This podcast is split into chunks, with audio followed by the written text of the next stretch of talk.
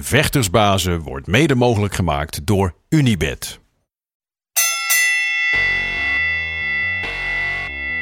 It's time for Vectorsbazen!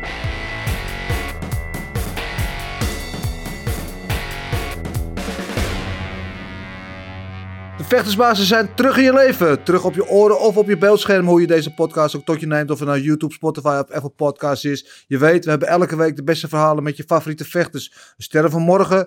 De sterren van nu. De legends van vroeger. Eh, wie we vandaag hebben is wel echt een hele speciale vechter. Misschien niet iemand die je meteen kent van Glory of UFC. Maar wel met recht echte vechter. Jullie kennen hem misschien van Kamp van Koosbrugge. Noem maar wat, Die Carter. Goed dat je er bent. Ja. Roes, goed Alles om hier te zijn, ja zeker. Ja, eh, ja dus je bent een beetje een ongewone gast in deze vechtsport podcast. Maar je hebt wel zeker een man met vechtsport. Daar gaan we het straks uitgebreid over hebben. En uiteraard over eh, je echte leven. eh, als eh, commando en als presentator onder andere. Of een van de leiders uit Kamp van Koosbrugge. Rida, goed dat jij er ook bent. Ja, zeker. Ga straks met jou ook nog eventjes over praten. Over van alles en nog wat. En je hebt uh, Rida in de ring. Maar we gaan zoals te doen gebruikelijk in deze podcast al te beginnen met ons onderwerp dekking laag. Hey, Eh, dat ben ik niet gewend. Nee, dat precies. Eh, dus dat is even bijschakelen. Maar goed, dat is ook al onderdeel toch van de goede militair. Ja, moet je snel kunnen schakelen. Snel schakelen. Eh, je krijgt tien stellingen van mij. eh, en dan mag je op reageren. Vrij snel, zonder te lang over na te denken. Lekker snel. En misschien hebben we daar nog wel aanleiding om daar later over verder te praten. Dus ik zou zeggen, ben je er klaar voor? Zeker. Mooi, daar gaat hij. Veldbed of satijnen lakens? Satijnenlakens. David Goggins of Jocko Willink? David Goggins. Goed antwoord. UFC of Glory? UFC. Crossfit of kickboksen? Kickboksen. Harde aanpak of zijde handschoentjes? Harde aanpak. Friet of patat? Patat. Team patat, hè? Gezondheidsfreak of af en toe remmen los? Nu meer gezondheidsfreak. Nee. Pijn doorstaan of pijn vermijden?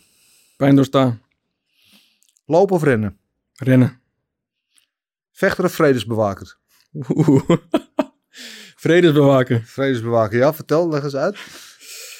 Nou ja, ik denk dat eh, dat ook een reden is waarom ik militair ben geworden in de eerste instantie. Is eh tuurlijk ook wel om mezelf te testen. En eh, dat, dat het vechten hoort erbij. Want soms moet je dus vechten om de vrede te kunnen bewaken.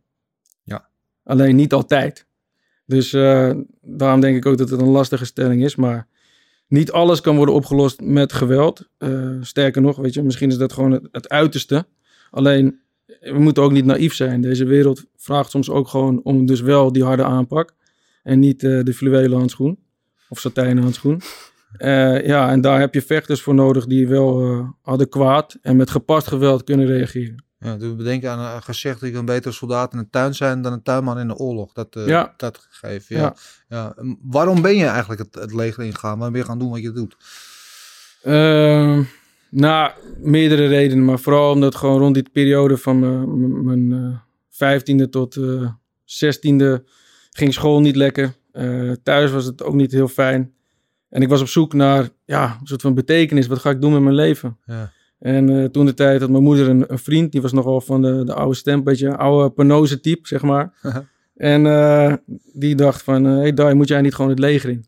En eh, met wat verhalen over zijn vader, die had gediend in Indië, begon hij me een beetje te inspireren als het ware. En toen ben ik op onderzoek uitgegaan. dacht ik, ja, dat is misschien wel wat ik wil worden. Want dat is wat ik wil doen, daar kan ik mezelf in vinden. En eh, toen, eh, toen heb ik bedacht, nou, dan wil ik commando worden. Want dan wil ik ook wel het beste van het beste worden en het Ja. meeste eruit halen. De elite-eenheid, ja. Is het dan vooral de structuur in je leven die je daar vond, die je daarvoor miste? Achteraf eh, denk ik wel dat het ook daarmee, dat was een onderdeel van. Ik, had, ik was ook op zoek naar structuur. Ja. Eh, omdat ik gewoon eh, ja, op dat moment dat ook nodig had. Ehm, en ik ga er ook wat- lekker was je, was je een boefje of eh, dreigde je te ontsporen? Of, eh, Ja, ik, eh, dat, rond die tijd, dat, ik, ik, ik schuurde toch wel een beetje tegen een delinquent leventje aan.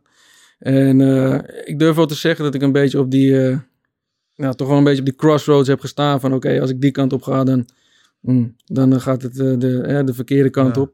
En die andere kant wa- was defensie. En achteraf, laatst, soms heb ik nog wel eens contact met jongens met wie ik omging in die tijd. Nou, daar is het niet altijd goed mee afgelopen. Dus is toch wel wat in de, in de bak. sommige jongens die zelfs, nou, één laatste kwam ik achter, die leeft ook niet meer. Dus het, weet je, dat, dat schuurde toch wel die kant op. En ik ben blij achteraf dat het niet eh, zo ver heeft moeten komen, ja. Wat is, dan, wa- wat is dan precies die ding waardoor je toch de defensie kant op bent gaan in plaats van de andere kant? Nou, omdat ik ook gewoon wel vaak voelde van, eh, wacht even, waar gaat dit naartoe, weet je. En ik denk uiteindelijk dat ik niet het type eh, persoon ben die, eh, die goed, hoe zeg je dat, een goede crimineel was geworden. ja, want ik ben daar eigenlijk gewoon te lief voor. En eh, Ja. ook gewoon, weet je, te gevoelig. Daar voel ik gewoon te veel voor. En ik, ik heb heel lang vanuit mijn jeugd, vanuit die tijd, een soort van beschermlaag heb ik... mezelf hard proberen te maken. Waardoor ik ook soort van nou, niet aardig werd. En ik dacht, nou, oké, blijkbaar eh, gaat het toch wel vaak goed met slechte mensen of zo. Want die, hebben, die voelen geen pijn en die, Ja. die, Ja, die en worden succesvol. auto's. Eh, dat is natuurlijk niet zo. Maar met mijn jonge geest zag ik dat toch wel op die manier vaak. Ik dacht van, oké, misschien moet ik me dan ze- me gewoon maar gaan verharden.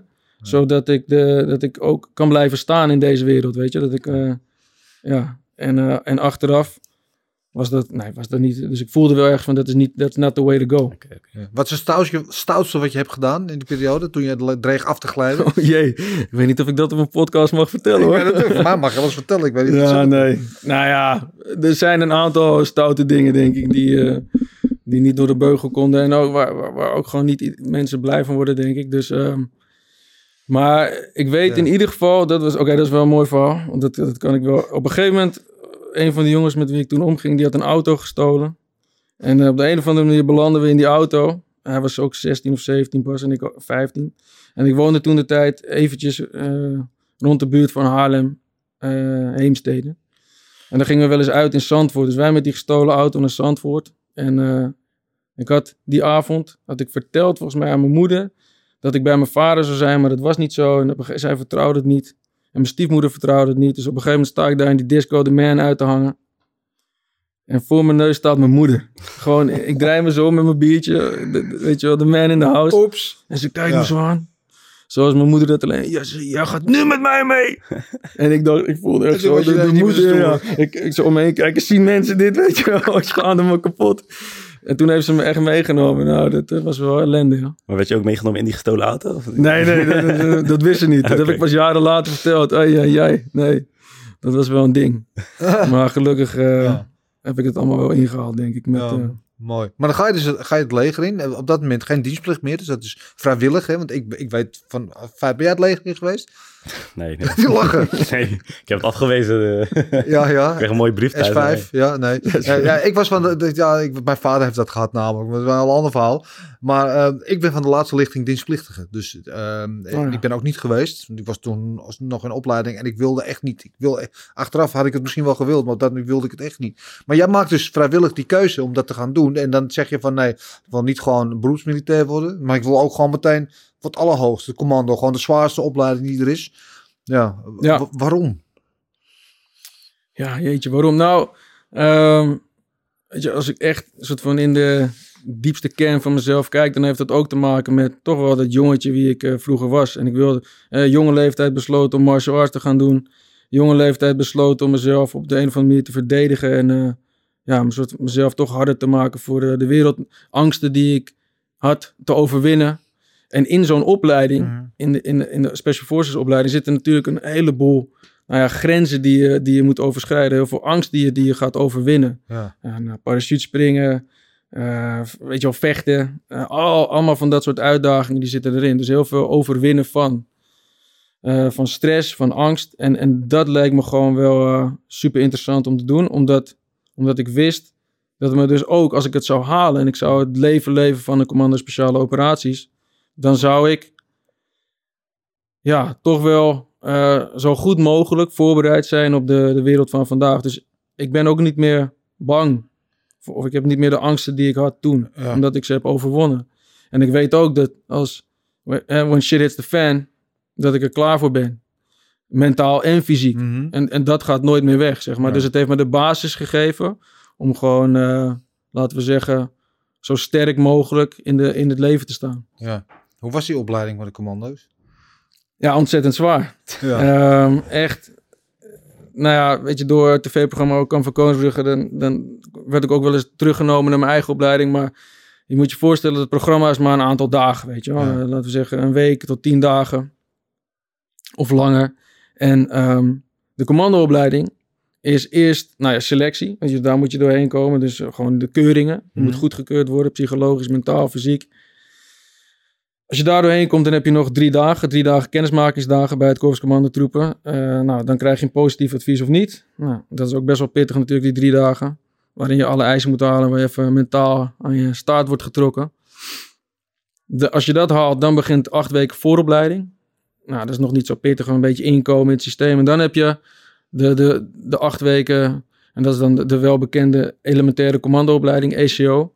Die duurt acht weken en dat is echt fysiek en mentaal Tot, tot het Ja. einde gaan en daar voorbij. Ja. Je slaapt niet, je eet niet, je, je gaat maar door en door en door en door en door. Dus je kan je, nou, weet je, voorstellen die, die eerste twee weken van mijn commandoopleiding sliepen we nauwelijks. En je hebt gewoon elke dag dat je hoopt, ah, nu kunnen we misschien even slapen. Ja. Eh, maar na twee uurtjes word je er weer uitgetrapt en dan begint weer een kaartleesoefening of een speedmars of weet je, iets anders zwaars. En dat gaat gewoon door en door en door. En het stopt niet. Dus elke keer als je denkt, ik kan niet meer, dit, dit, gaat, dit, dit is te bizar voor woorden, komt er nog een schepje bovenbij, over, bovenop. Ja. En eh, zo zitten die acht weken in, in, in elkaar. Met de laatste week, de achtste week, dat wordt de afmatting genoemd. Ja. En dan verplaats je van... Maar dan ben je al best wel afgemat al. dan ben je behoorlijk, ja. En dat, dat is ook, weet je, het laatste wat overblijft. Dus laten we zeggen dat, nou, nou meestal begint er zo'n, het verschilt. Maar laten we zeggen, als er 50 man begint aan de opleiding, dan varieert het nogal een beetje. Maar dan haalt tussen de 5 à 12 haalt de elementaire commandoopleiding. En de afmatting is een week waarin je van zondagavond tot vrijdagochtend bezig bent. En dan verplaats je zo ongeveer 250 kilometer. Het meeste te voet. Dus je bent dag en nacht aan het lopen en opdrachten aan het doen Ja. om uiteindelijk vrijdagochtend aan te komen bij eh, wat ze noemen de Tranenpoort. En dan loop je daar met het laatste overgebleven stelletje eh, De overblijvers. kornuiten. degene Ja. die halen, ja. En, en eh, dan loop je de Tranenpoort door. En daar staan alle operationele commando's in familie. En dan, dan is het een, eh, een eh, qua traditie, als- zodra de eerste de poort onderdoor komt, dan gaat de, dan al die operationele commando's die er staan, die gaan schreeuwen. Nou, dan wordt, je, je voelt, weet je, je krijgt Ja. nu ook, het Ja. komt terug. Want je krijgt dus zo'n bizar gevoel. Je denkt van, wow, ik ben, ik, weet je, ik ben er. Je familie staat er, er wordt met champagne, er wordt met bier. Dus je wordt, ja, het is één grote belevenis, zeg maar. En eh, nou ja, dan heb je de ECO gehaald. Ja. En waarom heet het de Tranenpoort eigenlijk? Nou ja, Je omdat, kan het eh, wel raar denk ik. maar- ja, ja, omdat je in, in feite natuurlijk eh, niet echt droog houdt als je die tra- tranenpoort. Omdat dan de ontlading komt van holy shit, die acht weken ECO. Tranen van geluk. Ja, tranen. Maar ik moet eerlijk zeggen dat ik toen niet een traan heb gelaten. Omdat ik gewoon niet wist wat ik voelde. En heel veel jongens hebben dat. Weet je, een soort van. Ik voelde. Ik heb wel eens gezegd. Het, vo- het voelde eigenlijk alsof, alsof ik. eh, als je niet intern huilt, dan haal je wel. Ex, eh, of, sorry, als je niet extern huilt, dan haal je wel intern. Ja. Want je houdt, je het, dan haal je gewoon van binnen. Ik wist is niet wat ik moest voelen. Ja. Eh, alle, allerlei emoties kwamen. Ik, ik had geen idee wat voor soort emotie dat is, maar ik, ik had nog nooit zoiets gevoeld. Zo uitgeput, je hebt eigenlijk geen tranen meer om te geven. Nee. Nou ja, en sommige jongens wel. eh, achteraf kwam pas een beetje soort van het besef van, wow, the fuck eh, hebben we eigenlijk allemaal gedaan. En ehm, ja, nou dan voel je je natuurlijk blij, heb je je groene beret verdiend, maar dan stopt het niet. Want dan komt nog eh, elf maanden of een jaar bijna voortgezette commandoopleiding. En dat zijn alle specialisaties. Dus tactisch, eh, nou, tactische eh, opleidingen zoals special reconnaissance, verkenningen, omgaan met verschillende soorten voertuigen, parachutespringen. Daar zitten al die specialisatiedingen in van direct action en, Ja. En special reconnaissance. Ja. Ja. Dat, dat wat je net zei over die afmatting. We hadden het begin David, jij zei David Goggins. Ik ben groot fan van David Goggins. Ik vind hem fantastisch. Ik, eh, die, ik zei tegen jou ook, weet je, ik heb af en toe, ik sta ook een morgen vroeg opgehakt eh, sporten. En af en toe heb ik geen zin. En dan denk ik aan David Goggins die om vijf uur s'nachts weer opstaat en 40 kilometer hardlopen. En zegt, stay hard motherfucker, kom gaan. Stay hard. Ja, maar zijn boek gelezen en hij eh, heeft natuurlijk de opleiding gedaan van de Navy SEALs. Ja. En uiteindelijk in de, de derde poging heeft hij het gehaald. Eh, en die omschrijft dan ook wat dan, dat doet me dan een beetje denken aan de afmeting de Hell Week. Ja. Inderdaad, eh, aan het einde van, van, van dat traject, waarin ze een week lang gewoon wakker zijn, zonder te slapen en de meest zware beproeving moeten doen. En in de, in de vrieskou s'nachts tegen de branding in moeten zwemmen en, en daar gaan ze maar door. Ja. Dat je dat leest, dat je denkt, mijn hemel. En dat, is dat dan daar een beetje mee te vergelijken? Ja, ja, ik denk, als ik aan de ACO denk, denk ik gewoon eigenlijk acht weken Hell Week, om eerlijk Ja. te zijn. En natuurlijk varieert het wel een beetje in. Je kan niet acht weken lang Hell Week doen, want dan gaan er gewoon mensen dood, zeg maar. Ja, Ehm, maar ik heb, ik heb denk ik, ik heb meerdere Hell Weeks gehad in die, eh, in, in de commando in die eerste acht weken. Ja. En ehm, het mooie is eigenlijk als je dus die voortgezette commandoopleiding haalt, dus al die specialisaties, denk je, oké, ja, nice, ik weet nu echt veel. Maar ook dan vallen er soms nog wel eens jongens uit, omdat Ja. ze het gewoon, want dan gaat het echt over je cognitief vermogen. Dus ben je in staat om al die informatie in korte tijd te sponsen ja, en het op te pakken. Als je niet oppakt, ja, die trein dendert door. Eh, en als je niet mee kan, dan lig je eraf. ja. Ehm, dus, dus dat is ook nog wel een uitdaging om dat dan te fixen. En uiteindelijk haal je dat en dan kom je in de compie. En dan merk je, oh, ik ben eigenlijk ook nog steeds niet. Want deze gasten zijn al veel verder en ervaren. ja, En dan heb je eigenlijk ook nog een jaar of twee jaar... dat je een beetje moet, als het ware, verdienen. Eh, dat, je, eh, ja, dat je toch kunt laten zien dat je uit het juiste hout gesneden bent. Ik, ik, had, ik, ik had een paar jaar geleden eh, had ik een leraar, want die zat bij de Koninklijke Marechaussee. Nou, dat is dan misschien geen special force, maar een beetje vergelijkbaar dan. Maar die vertelde dan verhalen over wat hij allemaal heeft meegemaakt. Toen dacht ik van, ja, dit is super vet. Ik wil ook het leger in, ik wil, ik wil dat soort dingen doen. En dan ga ik een beetje onderzoek doen naar die opleiding.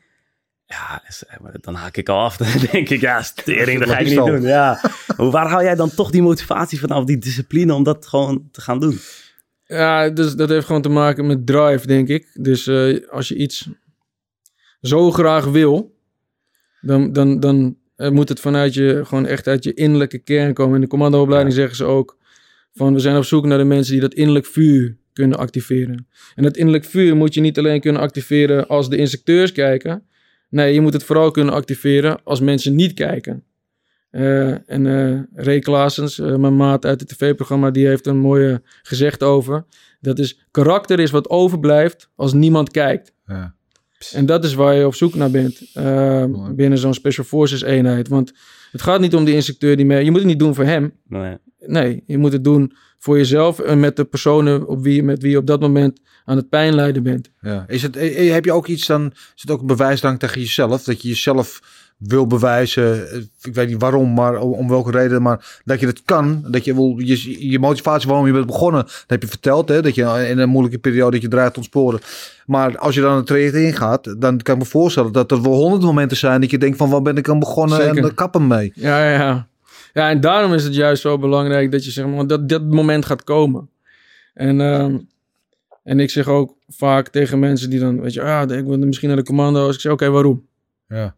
Ja, omdat ik, eh, ja, ik wil toch wel, eh, ik vind het mooi voor de mensheid en eh, ik wil de wereld dienen. En ja, ik vind het ook wel tof om al die dingen te leren, al die ja. skills. Ja, ik zeg, nou, oké. Nou, dat zijn eh, op zich goede redenen. Maar als je gaat twijfelen, en dat moment gaat echt komen in de commandoopleiding, misschien wel meerdere keren, dat je gaat twijfelen, wat de, wat de fuck ben ik hier aan het doen? Waarom doe ik dit? Nou, dan moet je antwoord kunnen geven op dat waarom. Ja. En dat waarom moet, moet echt diep van binnen uitkomen. Het moet een soort van innerlijke laag zijn eh, die, die, die je motiveert op het moment dat het niet meer gaat. Want je geest, je lichaam gaat zeggen, stop. Ja. Ja, en dan moet je dat innerlijk vuur kunnen activeren om toch nog door te kunnen gaan. En wat, zeg- wat zeg jij dan tegen jezelf op zo'n moment wanneer je twijfelt? Wanneer je denkt van, Ja, meerdere dingen. Ik denk dat is wel interessant wat je zegt. Want uit de psychologie eh, noemen ze dat self-talk. Dus de manier waarop je tegen jezelf praat. Ehm, en dat varieert. Maar eh, ik, ik kan me herinneren dat ik toen veel... Want ik was jong toen. Ik was 20 toen ik... Ik ben nu eh, 32. Nog steeds jong. Maar toen was ik nog jonger. Ehm, maar ik was, eh, ik was nog eh, ja, jong en toch wel een beetje onbezonnen. Ik had er wel al ervaring. Ik had eh, drie jaartjes bij luchtmobiel gezeten. Ik was al naar Afghanistan geweest. Dus ik had wel wat ervaring. Ik was op mijn achttiende naar Afghanistan geweest. Ehm, maar veel van wat mijn zelftalk, mijn zelfpraat toen was, was, was een beetje uit, vanuit boosheid. Ook wat ik denk ik meenam vanuit, eh, toch wel, dus veel was vanuit een soort van, oké, als ik energie nodig heb, dan ga ik Ja. mezelf kwaad maken. En dat werkt wel. Alleen als je op de lange duur, zeg maar, eh, een marathon of een commandoopleiding wil eh vol verbrengen, dan denk ik dat het niet altijd gezond is om de self-talk, vanuit, de zelfpraat vanuit boosheid te doen. Nee. En dat is wel wat ik deed. Ja, want ik, ik denk dat, de emotie eruit te halen, toch? Of- ja, nou, ik denk dat het helpt. Ja. Dat het, zeker, oh, even het laatste, weet je, kon je dan maar even boos worden op jezelf. Alleen het kost heel veel energie. Ik denk dat het te veel energie kost om, eh, om iets te halen. Je zou ook kunnen denken van, oké, misschien moet ik een andere vorm van eh, zelfpraat activeren. Die minder vanuit boosheid komt. Ehm, maar meer vanuit Blijheid. Nee, ik weet het niet. Maar- nee, maar daar zit wel verschil in, weet je wel. Ja. Daar Ja. zit wel verschil in. In hoe je dus tegen jezelf praat. En, en nu kan ik ook wel zeggen, oké, Dai, kom op, weet je wel. eh, nog even een paar, eh, weet ik veel, rondjes. Nog even een paar rondjes sparren. Nog een paar keer tegen die zak aan. Ehm, en, en ja, dat is verschillend. Het ligt Ja. een beetje ah, per situatie. Maar überhaupt soort van leren tegen jezelf te praten. Voor het leveren van een prestatie is wel een hele belangrijke skill. Want wat er ook kan gebeuren bij mensen, want dat is vaak, hè, zeker in de commandoopleiding, of tijdens nou, ook andere sporten, maar zeker in de commandoopleiding hoor je dat stemmetje. En die gaat tegen je zeggen dat je niet meer kan, Precies. dat je Ja. moe bent, dat je moet stoppen. opgeven. Ja, dat je moet stoppen. En dat stemmetje, die moet je leren counteren. Ja. En die moet je eigenlijk leren als het ware de...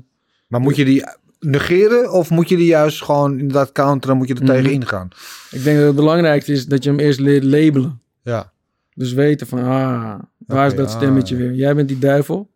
En nu ga ik anders tegen je praten. Dus eh, in de cognitieve psychologie eh, is daar wel eens een soort van systeem voor ontwikkeld. Noemen ze hot-cool system. Dus zodra je vanuit de emotie of boosheid, soort van, ah, duiveltje dit. Dan zeg je, oh, oké, ik hoor je.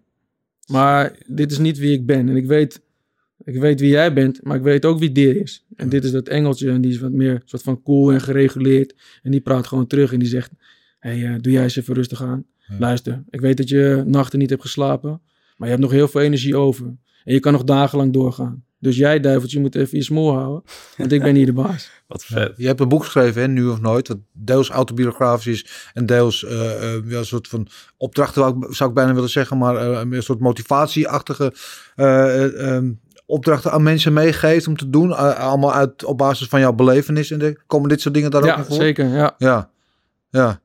Want Ja. dit zijn ook gewoon lessen die natuurlijk één op één te vertalen zijn naar, weet ik het zakenleven of het, het sportersleven, et cetera. Ja, voor heel veel.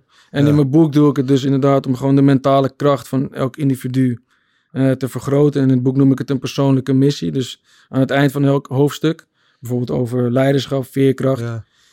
eh, broederschap, pijn, eh, gaat er een persoonlijke missie over dat specifieke onderwerp. Zodat je dus leert ja, je mentale kracht op dat gebied te vergroten. Ja, en te kanaliseren, uiteraard. Ja. Eh, toen je naar Afghanistan ging, 18 was je zei, was Ja. dat je eerste missie? Ja, Ja. Hoe is dat als je 18-jarig knaapje eigenlijk nog ja.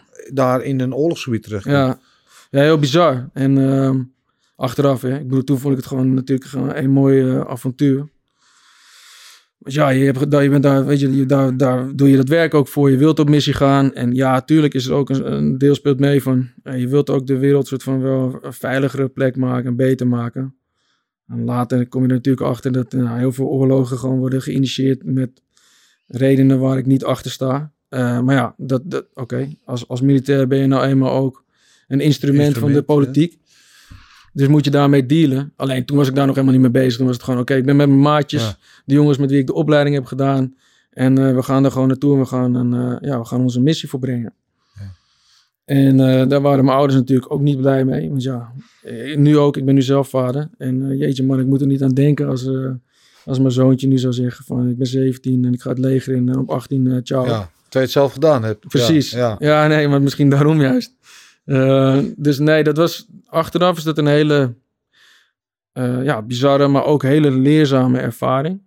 En eh, Ja. ja, je komt terug en, en ja, dat is natuurlijk een beetje ook wel gek. Soort van, ja, je bent vier maanden, bijna vijf maanden dan daar geweest. Eh, en je hebt natuurlijk wat dingetjes meegemaakt. Ik moet eerlijk zeggen dat mijn uitzending toen niet per se eh, zo heftig was als nou, wat, wat andere collega's van me bijvoorbeeld Nee. hebben meegemaakt. Er gebeuren natuurlijk wel dingen. Maar ik ben daar gelukkig geen eh, directe collega's kwijtgeraakt.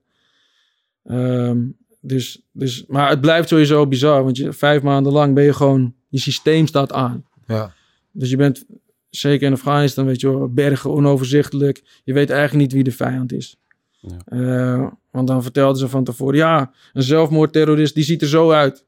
Die heeft zichzelf waarschijnlijk geschoren en uh, nou, dat, dat klopt helemaal geen reet van. Natuurlijk niet. Dus, dus eigenlijk zie je overal Vijanden. Ja, vijand. En daar Ja. moet je dus ook gereed voor zijn. Ja. En dat doet iets met je systeem, omdat je dus continu aanstaat. Je, staat gewoon, je bent eigenlijk altijd gewoon ja, klaar voor actie. Doet ook wat met je vertrouwen, kan ik me voorstellen. Je bent eigenlijk naar iedereen heel wantrouwig.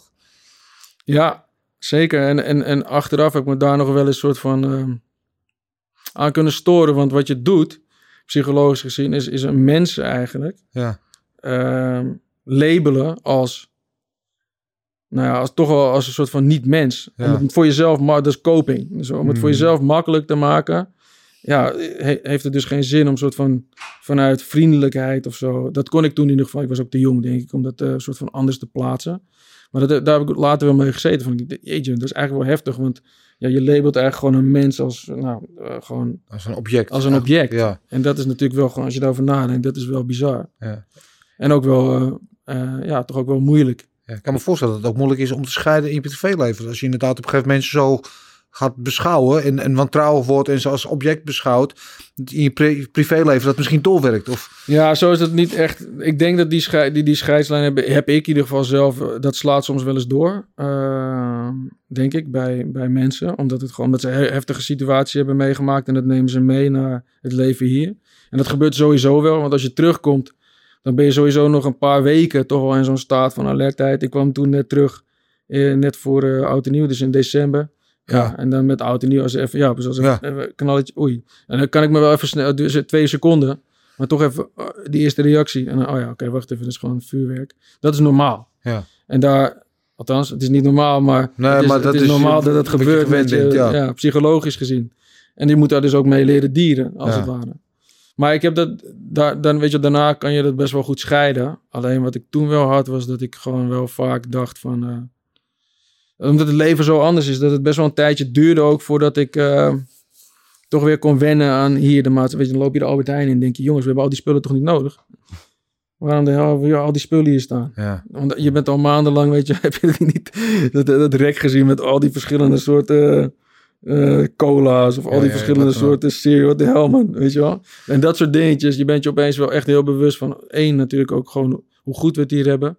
Ja. En, eh, en twee, dat, eh, ja, dat het allemaal niet eh, een soort van een gegeven is. Ja, je, Had, ja, je had het net over dat je, je als soldaat, als militair ben je een instrument ook van, inderdaad van, van de politiek. Heb je wel eens daar misleid inderdaad in gevoeld? Want Afghanistan met name was natuurlijk begonnen als een vredesmissie, maar uiteindelijk werd daar gewoon echt gevochten. Ja.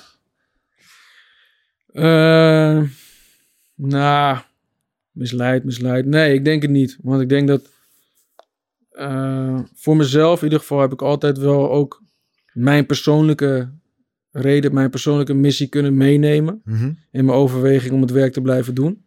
En daar zit ook altijd gewoon een stukje in van jezelf. Weet je, ik vind het mooi werk om te doen.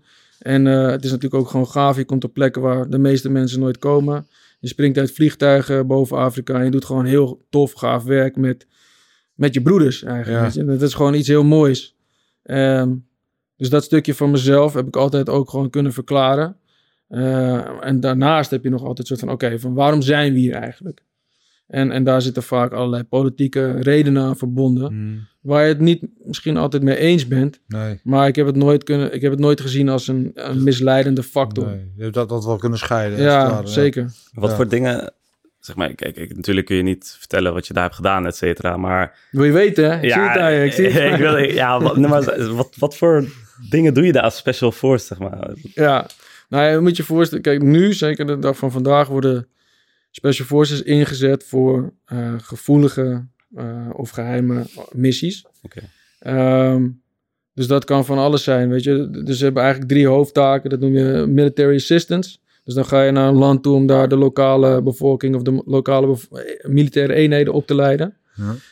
Eh, dat heb ik ook gedaan in Afrika. Je kunt gaan voor di- direct action. Dus dat is als het ware, oké, we hebben een high value target eh, van een terroristische groepering of een andere soort groepering en die moeten we arresteren. Nou, dat kan. Dus dan wordt ja, een soort van de, nou, wat je in films ziet, helikopter komt aan, landen, deurtje opblazen, we gaan naar binnen. Dat. Gewoon echt precies zo, net als wat je... Ja, de- wat je in de film ziet. Eh, en en ehm, je hebt special reconnaissance. En dat is, oké, nou, dat target dus, waar, waar diegene moet worden gearresteerd. Eh, daar moeten we natuurlijk informatie over verzamelen. Hoe gaan we dat verzamelen? Dat kan natuurlijk in, nou, laten we zeggen, bosgebied. Dus dan lig je in een observatiepost, een paar dagen lang foto's nemen, informatie doorsturen, een pattern of life vaststellen. Dus een patroon eh, des levens weten vast te stellen en dat doorsturen, zodat ze dat mee kunnen meenemen in de planningsfase. Maar wat, wat het ook is, en dat is een beetje de, conflicten van vandaag. En dat is het, het werk waar ik de meeste ervaring in heb. Dat is eigenlijk gewoon opgaan in de omgeving. Met het doel om, eh, nou ja, misschien Undercover, wel... eigenlijk. Nou, niet, dat is undercover is de verkeerde term. Maar het is eigenlijk een, het is gewoon een vorm van camouflage. Mhm. Dus eh, dat kan betekenen dat het niet handig is om in je militaire pak daar naartoe te gaan. Want dan weet iedereen dat je militair bent. Ja. En dat noemen ze dan low visibility eh, optreden. Dus je bent laag of ja, bijna niet zichtbaar, maar wel zichtbaar. Eh, en dat je daar in het gebied bent eh, om, ehm, nou ja, om bijvoorbeeld informatie in te winnen. Of gewoon te, als een sensor op te treden. Ik denk dat het, dat het beste woord is. Je bent eigenlijk in een gebied waar het mogelijk dreigt verkeerd te gaan. En daar ben je een sensor. En daar maak je misschien, ah, weet je wel, eh, Ja. afspraken met, eh, met individuen die wat meer kunnen vertellen over de omgeving. Maar dat is het belangrijkste, dat je een sensor bent voor de situatie daar op de grond. En dat je die informatie kan terugsturen voor als het dus echt verkeerd gaat. En bijvoorbeeld, nou ja, stel er zijn Nederlanders in het gebied die moeten worden weggehaald, dat je Mhm. die op tijd kan weghalen. Kan evacueren. Dat, Ja. is dan, dat is toch super gevaarlijk. Want kijk, ik neem aan, als jij dan dat, dat werk gaat doen in Afghanistan. Nou, iedereen weet gelijk, je hoort daar niet thuis. Maar ja, ja dat is toch Nee, dat is, nou, wat het, ja, het is zeker gevaarlijk. Alleen toch wel het mooie van het werk is dat vaak dat je door zeg maar slim op te gaan in de omgeving, kun je, ehm, kun je best wel veel, kun je best wel veel plekken komen zonder dat het opvalt. Ja? Ja. Alleen daar moet je natuurlijk wel gewoon voor worden opgeleid en het, zo- het, het vergt ook een bepaald soort type eh, mens. Ja. En waar het met name om gaat, is gewoon, dat moet je dus ook, weet je, voor een commando is het niet alleen belangrijk dat je deuren kan intrappen.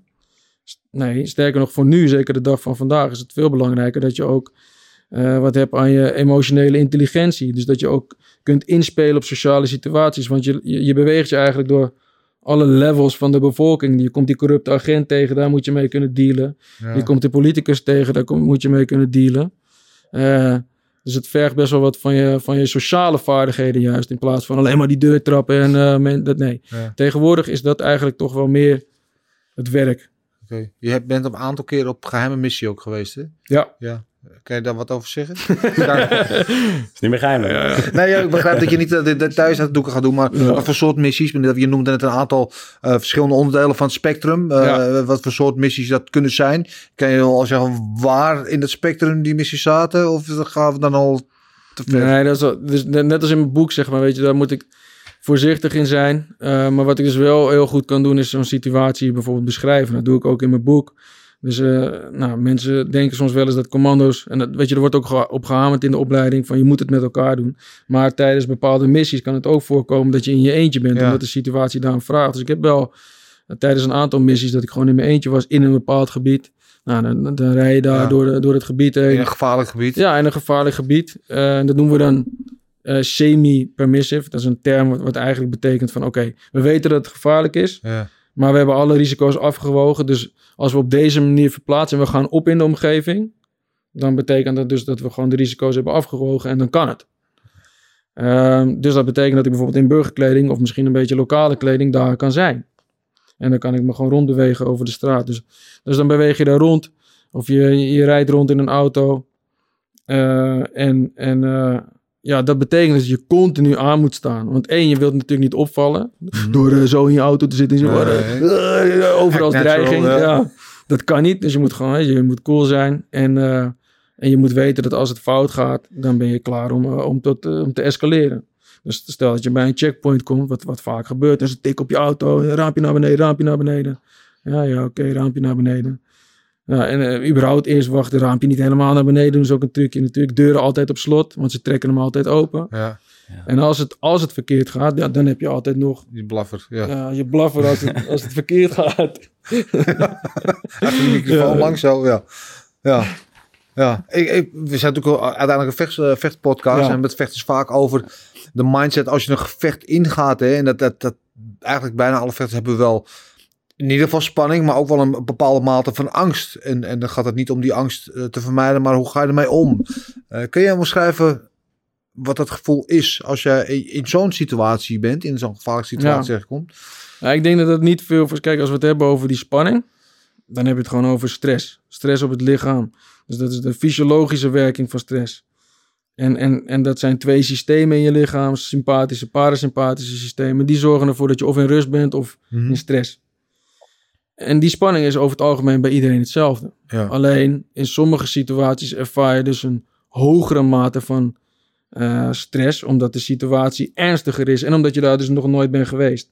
Maar daar kun je aan leren wennen. Ja. Dus als je aan vechters vraagt van oké, hoe was je eerste gevecht? Ja, dan sta je daar met knikkende knietjes Ja, en de zweet en ja. b- knoop in je buik. En, eh, dat is, en, en dat is hetzelfde als dat ik de eerste keer uit een, weet je, uit een vliegtuig moest springen. Hetzelfde systeem is geactiveerd. En eh, daar kun je mee leren omgaan. Dus één is sowieso die stressbarrière vergroten. Want als je dan aan een vechter vraagt, oké, maar hoe was dat gevoel dan in vergelijking met je twintigste gevecht? Ja, nee, ik voelde wel spanning, maar heel anders. Maar dan heb je er meer onder, omdat je weet... dat Ja, je hebt het meer onder en- controle. Je, hebt, je, bent al over die, je bent al over die stressbarrière Ja. heen gegaan. En zo kun je eigenlijk elke keer leren om over verschillende stressbarrières heen te stappen. En daardoor word je dan dus ook vrijer, denk ik. In dit geval. Nou, met mij met parachutespringen. Eerste keer uh, knikkende knietjes, eh, bang, eng. Eh, maar na, eh, oké, na 100 sprongen Ja, voel je je veel vrijer in de lucht. Weet je, kan je, oh, oké, als ik een beetje dit doe, kleine beweging, dan ga ik sneller vallen. Als ik mijn rechter elleboog doe, ga ik een rondje draaien, ik maak een salto achterover. Je voelt je veel vrijer. En, en datzelfde is denk ik het geval als je de, de ring instapt. Want hoe vrijer je voelt, ja. des te meer bewegingsvrijheid je ook hebt. Des te vrijer je voelt om bijvoorbeeld een, eh, een keertje een spinning backfist uit te proberen. Of een, eh, of een choke of een hold die je nog nooit hebt geprobeerd. Ja.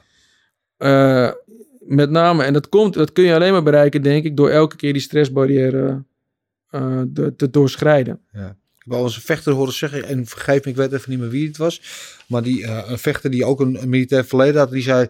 Het enige eh, met naar de ring gaan, hè, een wedstrijd ingaan. Het enige waar ik dat mee kan vergelijken is een oorlogssituatie ingaan. Diezelfde adrenaline, Ja, van wetende ja. dat je een, eh, een conflict ingaat. Gewoon 100% gaan, je gaat nu een conflict situatie in, vrijwillig. En dat gevoel, hij zegt, dat is met niks anders te vergelijken dan met inderdaad gewoon eh, het slagveld opgaan. Voel je daar wat bij? Is het, Ja, zeker. Nee, ik kan, daar, ik kan daar wel goed in komen. Want dat is gewoon... Inderdaad, je gaat het gevecht in. Je gaat die spanning in. En ik denk dat dat... Weet je, de arena instappen. Of, of de ring instappen. Ja. Dat roept dat soort gevoelens op. Want ik denk niet... Dat het ik denk niet dat we als mens daarvoor zijn gemaakt. Ik denk niet dat we als mens zijn gemaakt om elkaar de hersens in te slaan. Los van het, dat het af en toe leuk is. En dat het ook, weet je wel, ja. Dat het dus ook gewoon iets moois kan zijn. Want dat is wat vechtsport ook is. Ik vind het ook mooi. En er zit, weet je, voor mij ook dit soort van de diepere laag van Oosterse vechtkunst en, en le- lifestyle en al die filosofie, dat zit er ook in. Ehm, dus ik, ik geloof ook dat je ervan kun- kunt leren genieten. Maar ik denk niet dat we ervoor zijn gemaakt. En juist omdat het onnatuurlijk is, levert het de, dus de, de spanning op die het oplevert. Los van het hele feit dat er ook nog, als je een professionele vechter bent, dat er geld mee gemoeid gaat. Dat Ja. is, weet je, allerlei deals en spanningen Ja. en het publiek. Dat werkt allemaal in op je systeem. Dus ik, ik kan daar wel heel goed in komen, ja. Ja, ja. ja denk je niet dat we er volgen, maar ik denk eigenlijk wel dat in elk mens een, een zekere mate van eh, eh, verlangen naar geweld of vechten of zo zit opgesloten. Ik denk eigenlijk, ja, ik denk wel dat dat in ons zit. Op een manier niet. Nee? Nou, nee, ik denk, ik denk van nature niet. Ik denk dat, eh, ik denk dat het soms dus een, eh, een keuze is voor mensen om of die kant op te gaan. Ja. Eh, en, nou ja, en dan zijn er ook nog mensen die er echt, echt van genieten om mensen pijn te doen. Maar dat, dat is een ander verhaal. Dat zijn psychopaten over het algemeen. Ja. Dus als je een weldenkend mens bent, Ja. dan kun je wel leren genieten. Want dat, kijk, de eerste keer, nou, ik vertelde in het voorgesprek, toen ik de eerste keer ging, eh, ik ging met een vriendje mee naar Vos Gym. Ja. Toen was ik twaalf, de eerste keer dat ik naartoe ging. Nou, ik was echt, eh, ik, was, ik, was, ik vond het allemaal wel echt heel spannend. Want je kwam door die sfeer en de geur en dat was Ja, ja, ja. achter de rauw allemaal, ja. Ja, en eh, dan, dan gingen we sparren. Nou, ik had wel kung fu gedaan, maar nog nooit gespart op die manier zoals we dan daar deden. Er was ook nog een jongetje die het wel leuk vond om, eh, om een beetje extra hard op mijn benen te trappen, zeg maar, weet je wel. Dus Even een welkomstritueel ja, is dat. even welkomstritueel. Dus ik vond, het me, ik vond het mega spannend. En ehm, ja, waar, waar, waar hadden we het ook weer over? waar was ik dit aan het vertellen? Eh, ja, hoe kwam het? Of, het, over? eh, of het in de mensheid zit. Oh ja, precies, in de ja, mensheid ja. zit. Dus, dus, we zal ja. het luisteren. Ja, ja. Dus ik denk nog, eh, weet je, dat zat, nou, in, in mij zat het niet. Maar dat is wel gekomen uit een soort van, dus de, de drang om te leren vechten Ja, is gekomen uit het feit dat ik mezelf wil- wilde leren verdedigen. ja. Omdat ik gewoon eh, iets te vaak misschien eh, voor mijn donder kreeg op het pleintje in de rivierenbuurt. ja. En dat wilde ik niet meer. Nee. ik Nee, wilde is- gewoon, oké, fuck it, hier heb ik geen zin meer in. ja. En ook op school, weet je wel, was dat ook voor mij. Ik zat in Osdorp op school. En alle jongetjes eh, in de klas, een multiculturele klas. Met Surinaamse, Antilliaanse, Marokkaanse jongens, Turkse jongens, Nederlandse jongens. Dus alles door elkaar. Was het gewoon belangrijk dat je een beetje kon knokken en snel kon rennen, weet je wel. Ja. Ja, of het ene of het ja, of het een of het ander. Anders deed je niet mee. Dus Ja. Ja, ik, ik, dat is een van de redenen waarom ik vechtsport ook mooi vind. Omdat het juist die mate ook van gecontroleerd geweld is. Precies. Weet je, het is geen, weet je, niet gewoon mensen op straat aanvallen. Maar het is, weet je, iedereen heeft wel die drang om af en toe. Iedereen heeft wel een mate van agressie in zich. En kan boos worden. En in vechtsport is het natuurlijk gecontroleerd. Want je leert met je agressie omgaan. En je leert het dus ook beheersen en stoppen. En het moment dat je in een ring instapt of in een spanningssituatie. Dan is het gewoon een afgeschermd gebied. Er, is, er, is er een kader van regels en scheidsrechters en, en, en, en afspraken van tevoren. Ehm, en dat is natuurlijk in een oorlogssituatie niet zo. Behalve dat je daar natuurlijk dat in die training hebt vooraf Ja. allemaal. Ja. Ja. Overigens, al die, al die dingen die jij vertelt, hè, want we hadden het begin veldbed of Satijn en Lakens. Oh, ja. Zei jij Satijn en Lakens. Ik vind best wel een behoorlijk veldbed allemaal hoor, wat je vertelt. eh, Als je Ja, ja, nee, maar dan, nu zou ik kiezen voor... Ik heb wel te veel op een veldbed gelegen. ik heb wel te veel op een veldbed. En dat is ook... Ja, die laat, dat is ook al groot. Soms maak ik daar wel eens grapjes over. Maar die, die laatste missies waren ook helemaal niet... eh, weet je, dan ga je ook gewoon met een vliegtuig... en dan vlieg je op zich, weet je, op zich wel... Is het allemaal goed geregeld? Heb je een huis en zo en dat soort Ja. dingen. Eh, of je zit in een hotel. En, en eh, dus dat Met is... Corendon. Corendon, ja. nee, dus dat is allemaal wel goed geregeld. Maar da- daarom denk ik, ik heb ook te veel in de bosjes gelegen nu om te kiezen voor mijn veldbed. dus eh, als ik de keuze heb, I'm going for that Saturn, man. Ik wil straks uitgebreid of verder praten. We hebben nog, volgens mij nog genoeg te bespreken. Maar we gaan eerst naar de tijdmachine.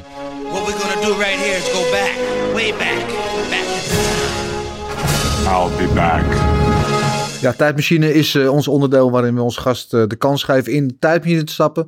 En terug te gaan naar een bepaald moment in je leven. Dat je van denkt, nou dat wil ik nog een keer opnieuw beleven. Het kan zijn dat het moment is dat het zo glorieus en geweldig was. Dat je dat, dat enthousiasme nog een keer wil voelen. Het kan ook een moment zijn dat je van nou dat heb ik echt goed verneukt. Dat kan beter. Dus ik zou zeggen, stap in de tijdmachine. Waar neem je ons mee naartoe?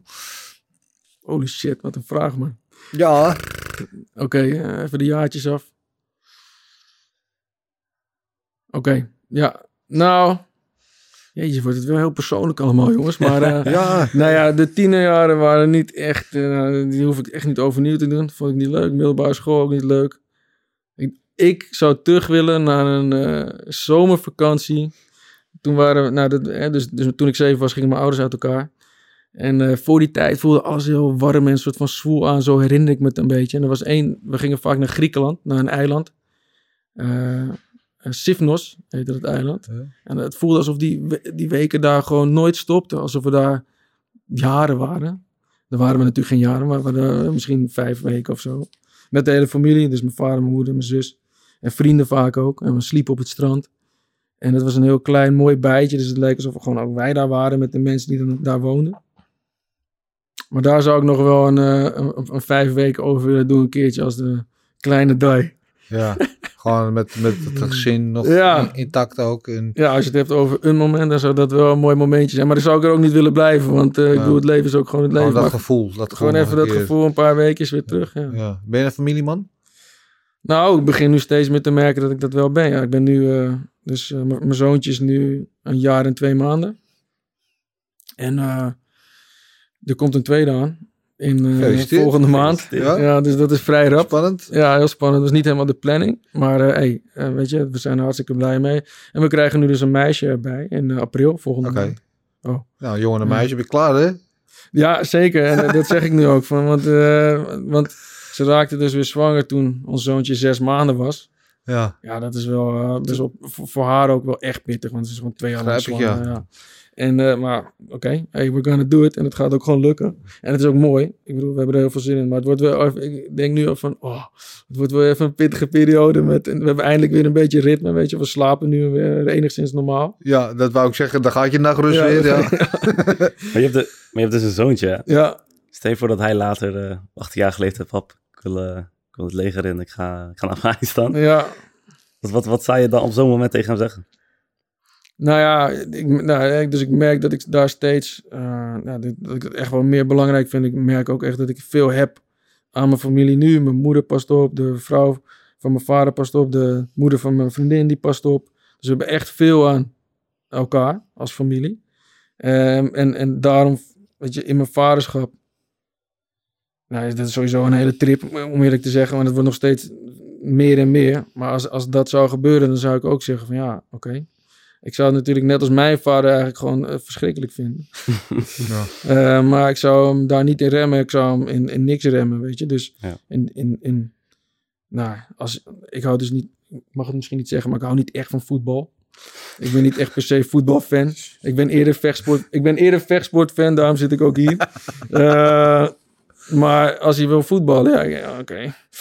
Nou, dat prima, weet je, als je dat wil doen. Ik ga je niet remmen. tijd maar ik ga niet met plezier langs de zijlijn staan, weet je. Nee, ik ga het wel nee, doen, nee, maar ik ga nee, niet met plezier doen. Wel wel mooi trouwens dat volgens mij elke vechter aan wie het vraagt in de hele wereld, wil je dat jouw zoon later ook gaat vechten, zeggen Oh, dat allemaal nee. Nee. Dus allemaal nee. nee. Nee, en, dat, en misschien ook, want kijk, dat was mijn pad. Eh, en het heeft me veel gebracht. Maar er is ook een andere kant van de medaille. En dat is de reden waarom natuurlijk ook, denk ik, vechters zeggen nee. Ja. Want iedereen ziet altijd, nou niet altijd, maar over het algemeen zien ze de, weet je, toch altijd aan de buitenkant de toffe dingen, het geld. In mijn Ja. geval is het, eh, nou ja, eh, weet je, de, de bijzondere ervaringen, niet het geld, want je krijgt te weinig betaald als eh, commando. Maar eh het zijn wel de bijzondere ervaringen. En laat, ja, ik, ik, ik ben, ik, waar ik nu zit, heb ik ook te danken aan dat verleden, weet je wel. Dus dat boek, het, het tv-programma, dus het, het succes wat ik nu beleef, heb ik ook daaraan te danken. Alleen, ja, daardoor vergeten mensen vaak de andere kant van de medaille. En die is niet altijd zo shiny. Nee. En er zit ook gewoon, eh, weet je, er zit ook gewoon eh, ja, heftige ervaringen, minder leuke ervaringen. Tien jaar lang dat werk doen. Dus tien jaar lang topsport. Eh, tien jaar lang op het puntje van je stoel presteren. Ja. En dat, dat heeft effect op je, op je lichaam en op je geest. Ja. En dat is denk ik ook waar die missie voor mij is ontstaan. Om dus daar iets mee te gaan doen. Van oké, hoe kun je dat dan zo goed mogelijk voor iedereen eh, mm, iets in meegeven? Dus vanuit je eigen ervaring. Ja, oké, dus dat, dat is dan mentale kracht. Dus het is, het is mijn persoonlijke missie geworden om dat te gaan verspreiden. Ja. Eh, en, en daarmee dus de, de lessen mee te geven die ik heb geleerd in dat leven. Ja. Maar dat betekent niet dat ik het aan Nee, mijn zoontje ja, zou ja. toebedelen. Of Nee. aan mijn dochter. Maar ondervind jij dan nu ook misschien nog de, de, de nadelen van die periode? Dus bijvoorbeeld, ik hoor, vaak dan dat mensen gewoon van die dagelijkse dingen die in, in de supermarkt, dat je boodschap aftikt, dan misschien bepaalde geluiden hoort van en dat je dan weer terug de trigger. tijd in gaat. Ja, nou, weet je, dan heb je het over... eh, het, zeker, collega's van mij die hebben, die, die hebben PTSS opgelopen. Of eh, zijn er overheen, want dat moeten we ook niet vergeten. Dus er zijn Ja. ook best wel veel verhalen van jongens of vrouwen die, eh, die posttraumatische groei meemaken. Dus ze hebben PTSS opgelopen in een nou, nare, eh, weet je, of in een, in, een heftige situatie op uitzending. Kan ook daarbuiten natuurlijk, maar in dit geval voor militairen vaak op uitzending. Maar wat er vaak wordt vergeten te vertellen is dat ze dus ook posttraumatische groei meemaken. En dat ze Ja. eigenlijk nou, ja, toch wel sterker uit de situatie komen. Hmm. Vaak wordt er zo gefocust op het negatieve. En natuurlijk, die verhalen zijn er ook. Er zijn ook mensen die er niet makkelijk uitkomen. En dat is logisch, want ze maken hele heftige dingen mee. Er zijn ook heel veel verhalen van mensen die gewoon doorgaan. En een soort van de lessen meenemen. Mhm. Ah, fuck, daar, ik ben echt diep geweest. Maar ik ben er ook uitgekomen. Ja. Ja. Doesn't kill you, make you stronger. Ja. Precies. ja. Waarom ben je eigenlijk eh, eh, gestopt bij de Special Forces? Je bent vrij jong, Ja, sterker nog. Ja, ja zeker. Ja, ik had nog wel langer door kunnen gaan, maar het voelde ook als ehm, tijd voor iets nieuws. Ik wilde echt iets nieuws gaan doen. Eh, ik, ik was toen bezig, ik wilde gaan studeren. Ik heb een studie toegepaste psychologie opgepakt. Eh, ik wilde gaan ondernemen. Ik wilde gewoon een nieuwe uitdaging. Ik wilde ook vaker thuis zijn, want ik was gewoon nou, bijna altijd eh, weg. En voor je relatie is dat ook niet echt eh, fijn. En de basis is in Roosendaal. Dus dat is, nou, voor mensen die dat niet weten, is het helemaal Dus Het zuiden van Nederland. Vlak voordat je van de wereld afvalt, daar rechtsaf. de- dat is ja, Roosendaal. net, en dan kom je bij Antwerpen, Antwerpen en daarna pleur je van de wereld af. ik bedoel, ik weet niet, komen er veel luisteraars uit Amsterdam of niet? Ja, Weet je niet. Weet, maakt het Weet je niet. Ze Nou ja, maar maar dat is het ding met, veel ja. met Amsterdammers, toch? Vaak Kom denken ze dat... eh, ik heb als jonge jongen, zeker in het leger... Want ik dacht inderdaad als eh, Amsterdammer... dat de wereld om Amsterdam heen draaide. Nou, dat is dus niet zo.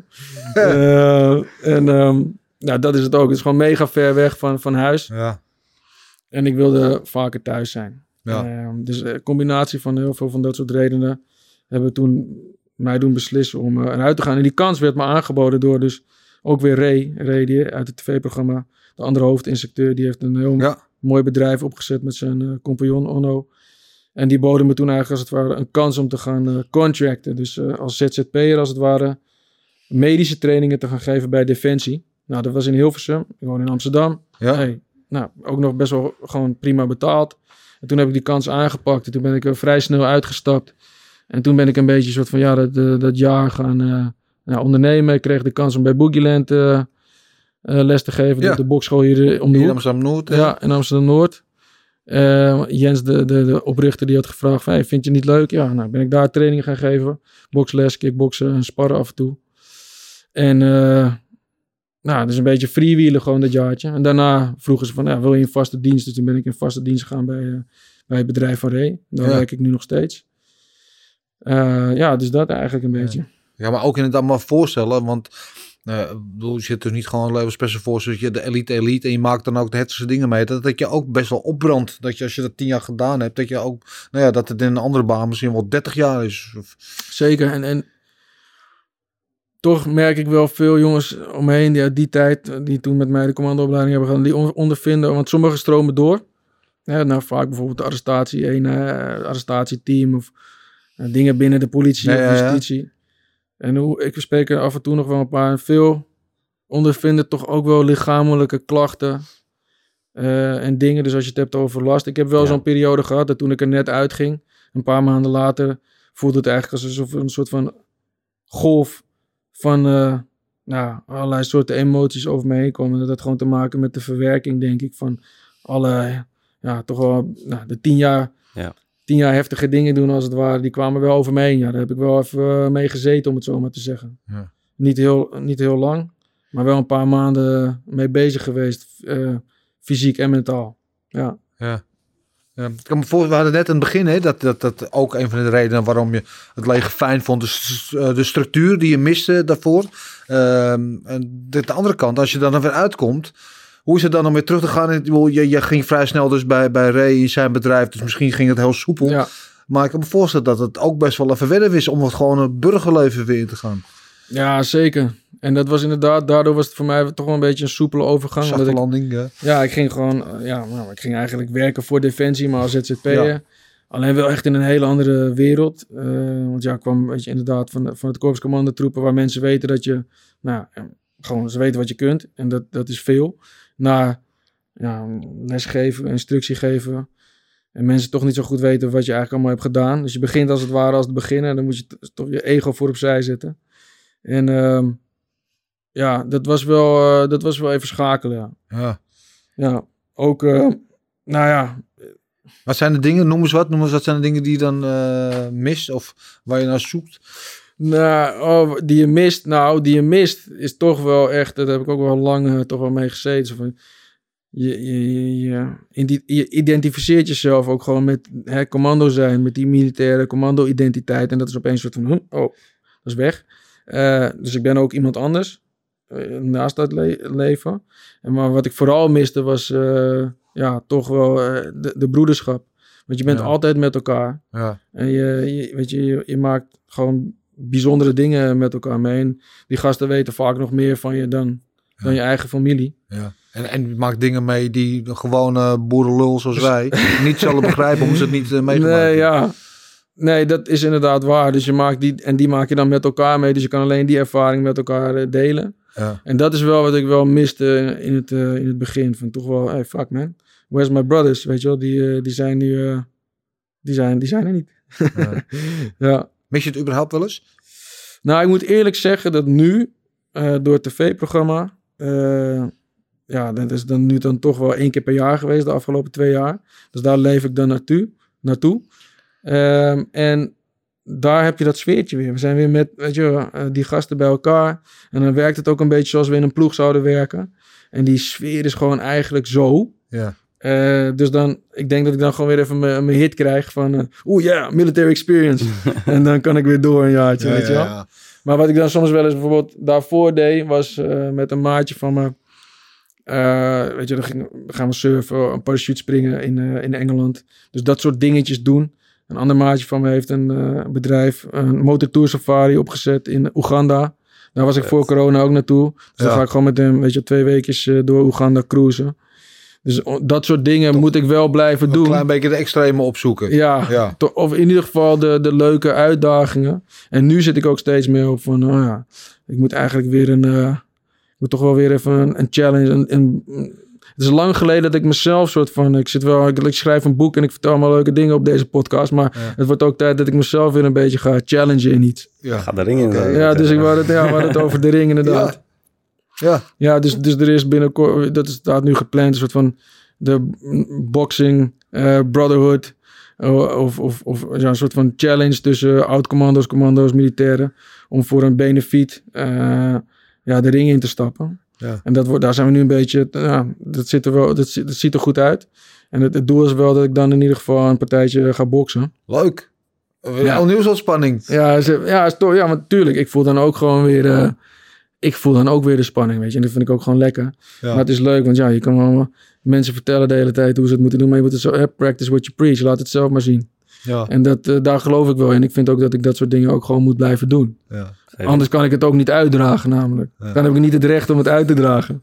Nee. Ja. Nou, ik vind, weet je, want we zijn toch vechtersbazen en, en normaal gesproken hebben we vechters, eh, maar natuurlijk niet voor reden, zonder reden dat, we, dat, nou, dat wij überhaupt in contact zijn gekomen. Want jij hebt een grote lied van vechtsport. Je vertelde al kung fu gedaan vroeger, bij Vos Gym getraind. Je geeft inderdaad boxles bij Boogie Wat is jouw, behalve dat je het zelf hebt gedaan, connectie en waar komt die lied van vechtsport vandaan bij? Ja, nou, dus, dus wel eh, bij, eh, bij Kung Fu. En dus de, ja, de, de, de, de, motivatie om mezelf dus te leren verdedigen. En doordat ik in aanraking kwam met Kung Fu, kwam ik in aanrak- aanraking met Bruce Lee. En, en Oosterse filosofie en wijsheid. En een soort van de, de leefstijl, weet je wel, van het warrior zijn of het een, een krijger zijn. Ik wilde ook echt, ik heb een tijd lang toen ik acht was of negen, wilde ik gewoon, dacht ik, oh ja, ik moet Shaolin monnik worden. Ik moet gewoon naar zo'n klooster toe en ik moet mijn, hoofd kaal scheren. Ik moet gewoon de, de hele dag kung fu doen en mediteren, want eh, dan kom ik er wel. Eh, dat heb ik niet gedaan, maar dat, dat, dacht, heb ik wel, dat dacht ik wel, weet je. Ja, ja, ja, ook best wel lijp. Ehm, ehm, maar daar, daar, daar zit het hem wel in, soort van die, soort van die, die, die focus ook die in vechtsport zit. En ook wel, nou, dus die verbroedering waar ik dus in, bij Mhm. Defensie heel erg naar op zoek was, Ja, merk ik dus ook eh, bij, nou, dat merk ik toch ook wel binnen, eh, binnen de, de gym. ja. Of Ook weer een soort structuur eigenlijk weer. Ja, ook weer, manier, ook weer maar- structuur. Ja. ja. Zeker die Shaolin Monnik eh, idee, dat, dat was ook gewoon structuur. Eh, maar de, de, er ontstaat ook iets, want je, want je bent best wel, eigenlijk is het best wel intiem. Hè? Alleen al met bijvoorbeeld sparrenwedstrijdjes of gewoon überhaupt Ja. op, op een zaterdag hier bij Boogie om de hoek sparren. Merk je toch, er is, zeker als mensen net beginnen, vinden ze dat heel, toch wel lastig. Want ja, oeh, weet je, Ja. verstijfd staan. Maar als je dan dus een soort van de sfeer kan creëren, eh, dat je elkaar dus een beetje als het ware van pijn mag doen, maar dan met liefde. Mhm. eh, dan ontstaat daar iets moois. Weet je, er is iets chemisch wat er gebeurt, zowel in ons brein, maar ook gewoon aan de buitenkant. Ja, ja, ja. Wat, eh, wat het mooi maakt. En als ik dan, nou, Boogie organiseerde voor corona een hele toffe avond, de nacht van de hete bliksem. waren duizend man daar op het terrein. En leden konden met elkaar boksen. Waren, dus je hebt geen winnaar, maar allebei de handen gaan omhoog aan het eind. En toen coachte ik drie leden. Een meisje en twee eh, jongens. En om dan zeg maar hun zo te zien groeien, Ja. die, die, die avond daar op, eh, op het, op, eh, in de ring. Weet je, ze hadden nog nooit in de ring gestaan, maar er staan daar wel duizend man te kijken. En ze gaan ook, ze weten, voor hun is het wel gewoon een echte partij. ja. En, want het voelt Tuurlijk, ook zo. maar het is ook gewoon, intern. je ook maar luisteren. Ja. Iedereen die ooit de ring in is gaan, die weet dat. is ook een bepaalde drempel die je moet overwinnen om dat te doen. Waar Ja. we het net al hebben over die angst en de spanning zo. Weet je, dat, dat is ook iets dat kan je niet aan iemand uitleggen als ze dat niet zelf hebben Nee. meegemaakt. Het is wel hartstikke echt, ja. Zeker. De- En, de- en daar zit gewoon echt groei in. Dus Ja. ik zeg, nou, iets wat ik ook in mijn boek schrijf. Ik, ik geloof dat er in weerstand zit groei. Je hebt weerstand nodig om te groeien. En dat gebeurt in de ring. En dat gebeurt dus ook met hun als ze, nou, volgende, volgende week eh, of eh, binnenkort er is een, eh, is een sparwedstrijdje. En dat gaat dan ook weer gebeuren. En ik vind het gewoon heel mooi om te zien wat er dan gebeurt. ja. Want er, er gebeurt echt iets. En als ze dan klaar zijn, dan hebben ze zichzelf overwonnen. Ja. En dat vind ik gewoon heel gaaf om te zien. Ja, mooi want als je het hebt over stuur. Want ik, ik was ook rond, nou ja, 15, zeg maar, puber, eh, puberjaren. Ook dat ik nou tegen een delinquent leven aan zat. Laat het zo zeggen. Op een gegeven moment zei het politiebureau, nou, we zien, we, nu, we zien je nu wel erg vaak. Toen dacht ik, oké, dit is niet een goed teken. En eh, toen begon ik dus met, met vechtsport. En eh, dat was, voor mij was het een hele nederige ervaring. Want ik dacht, het was echt een binky. En ik kon op straat, kon ik mijn mannetje wel staan en zo. En ik, ik kan wel knokken, maar dat kon ik dus helemaal niet. Bleek. Dus het was voor mij was het een hele nederige ervaring. Maar het was voor mij ook een eye-opener. En, en het heeft mij... Ik zeg niet dat ik zonder dat nu eh, in de bak had gezeten of weet ik wel, dat het helemaal fout was gegaan. Maar het heeft mij wel structuur en handvatten gegeven om mijn leven om te gooien. En eh, je vechtsport is natuurlijk in wat je zegt zo intiem. Dus je, je leert ook je eigen kracht kennen, maar ook je eigen tekortkoming. Dus je komt jezelf gewoon keihard tegen. Zeker. En, en, en dat is een les die heel veel mensen ook in het gewone leven kunnen gebruiken, denk ik. In alles Ja. wat je doet. Of het nou sporten is, of je werk, of, of studeren, of wat dan ook. Weet je, het, het, je komt zo met jezelf in aanraking. En je bent zo bewust van wat je allemaal kan, maar ook waar je beter in moet Ja. worden. En ik denk dat dat voor iedereen een goede ervaring is. Zeker. En dat is wel iets wat ik, nou ja, nu dan eh, een beetje probeer te doen voor een aantal bij Boogie. En zit ik toch een beetje meer aan die mental coaching. Ik denk namelijk dat er, zeker op vechtsportgebied, ah, misschien dat het nu bij UFC wel een beetje gebeurt, omdat ze daar verder in zijn. Maar ik denk niet dat het bij, bij Glory gebeurt of, of andere dingen. Maar ik denk dat de, de mental coaching kant te weinig wordt gedaan. Dus, dus ik, Nou, ik coach ja. nu ook mental coaching, doe ik voor, eh, voor de Nederlandse kampioen. Cas van Peer, eh, Ja. boksen, eh, zijn, eh, zijn leeftijdscategorie. En ik merk gewoon dat dat bij hem heel veel positiefs teweeg brengt. Alleen, ja, volgens mij is het probleem een beetje vaak toch wel binnen de bokswereld in Nederland of vechtsportwereld in Nederland is eh, nou, budget. Eh, dat is er niet altijd Ja. voor. En dus wordt er eerder gekozen Nee. om op techniek en tactiek te zitten. Ja. Maar dan wordt het mentale gedeelte, nou, wordt, wordt eigenlijk niet zoveel aan gedaan. Dus die, Maar het is toch eigenlijk heel raar. het is heel raar. Vechten is toch 90% Juist. mentaal. Ja, dat is heel raar. Dus ik, ik, ik vind ook dat daar een verandering in moet komen. Ja. En ik, ik denk dat het ook meer moet gaan leven binnen, nou, binnen de, de, de, de, de dojo zelf of de sportscholen zelf. Dat daar soort van als zaadjes worden geplant. Maar als, als we het hebben over professionele vechters, dan moeten we al helemaal gaan investeren in de, mental, in de mental coaching kant. Want, want daar, daar gebeurt het. Ja. En er zijn heel veel dingen die je kunt halen uit, eh, nou, uit de psychologie, uit de wetenschap. En dat toe te passen op eh, de vechter, zodat, die, zodat hij of zij beter wordt in de ring. Ja. En dat gebeurt nu veel te weinig. Ja. Ja, het is Echt, echt nog een onontgonnen gebied, 100%. Ja. Misschien als Glory kijkt, dan nu even op te ja, ik ben in te huren voor... Ja, nee, maar eh, heel goed. En het, wat dat betreft, en, en, en het vechtsport, kijk, in het voetbal was het natuurlijk ook heel lang. Eh, weet je, als je met een coach had of, of iets zeggen, dan was je gek. Was je je gek, wel. ja. Dan luister je, weet je, want eh, we aan het voetbal gingen bijvoorbeeld naar een Ted Troost, de haptonoom. Dat was, nou, noemen ze gewoon een soort van charlatan. Weet je wel, en nu is het, nou, maar nu is het veel meer normaal, weet je wel. En Ja. dan kijken ze ook veel meer, ook dingen als krachttraining zo was het vroeger natuurlijk, en bij vechtsport en bij bij voetbal werd een beetje smalend over gedaan. Weet je, maar met de coaching zit ook een beetje in dat hoekje. Zeker. langzaam begint wel het besef te komen dat die bent geen watje als je een met een coach hebt. Of je bent niet gek Nee. als je met iemand... Nee, juist niet. Ik denk dat iedereen... Of je, wat dan ook, wat je ook doet. Of je nou vechter bent of, eh, of advocaat, bij wijze van spreken. Iedereen heeft dat toch wel, eh, op meer of minder mate nodig. ook- Zeker. Dat is ook nu toch in het dagelijks leven van, merk ik tenminste, dat... eh, Ja, e- eerder was het altijd van, ja, wat ga je een psycholoog, weer gek of zo, wat ga je daar doen? Maar nu is het, Nee. het, het, heel, het begint steeds normaler te worden. Luister, het is heel simpel. Geen mens, maakt niet uit wie je bent, hoe groot of sterk je bent. Geen mens kan dingen helemaal alleen. Iedereen heeft iemand nodig om hem te helpen. En het hoeft niet eens een psycholoog met een coach te zijn. Maar iedereen heeft iemand nodig die naar hem luistert of die hem feedback geeft. Weet je? En aan wie je eh, je kwetsbare kant kan. Want als je kwetsbaar, je Precies. kwetsbaar durft op te stellen, ben je voor veel Ja. mensen ben je een watje. Mhm. Nee, ik vind juist als je dat je sterk moet zijn om je kwetsbaar op te stellen. Zeker. Want Ja. er moet, daar moet je ook drempels voor over. Ja. En, ehm, ik denk dat dat besef wel een beetje begint te komen, maar ja. Ja, mooi dat je dat zegt. En ik, want dat is ook iets wat ik eh, nou, vanuit mijn rol nu eh, probeer te doen. Is door die, die, die, eh, ook die kwetsbare kant te laten zien. Omdat ik ook vind, net als jij, dat de kwetsbaarheid...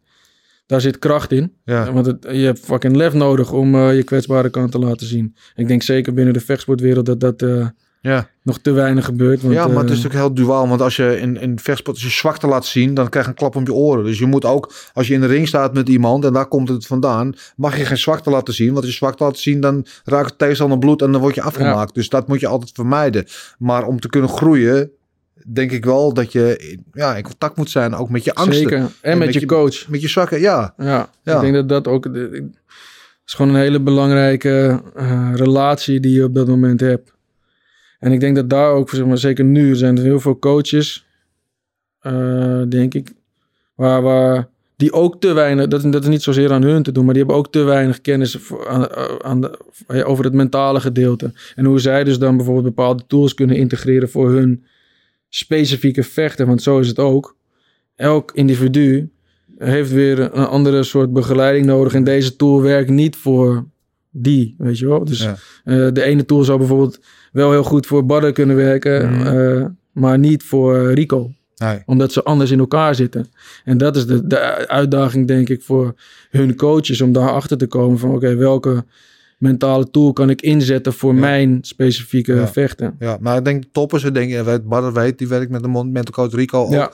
Dus die doen het wel, want die, nee, op Precies. het allerhoogste niveau wij, die zijn er wel achtergekomen wat er voor nodig is. Maar daaronder is er nog een hele wereld te winnen. Zeker. Ja. En, en dat begint dus denk ik al bij, eh, nou ja, de...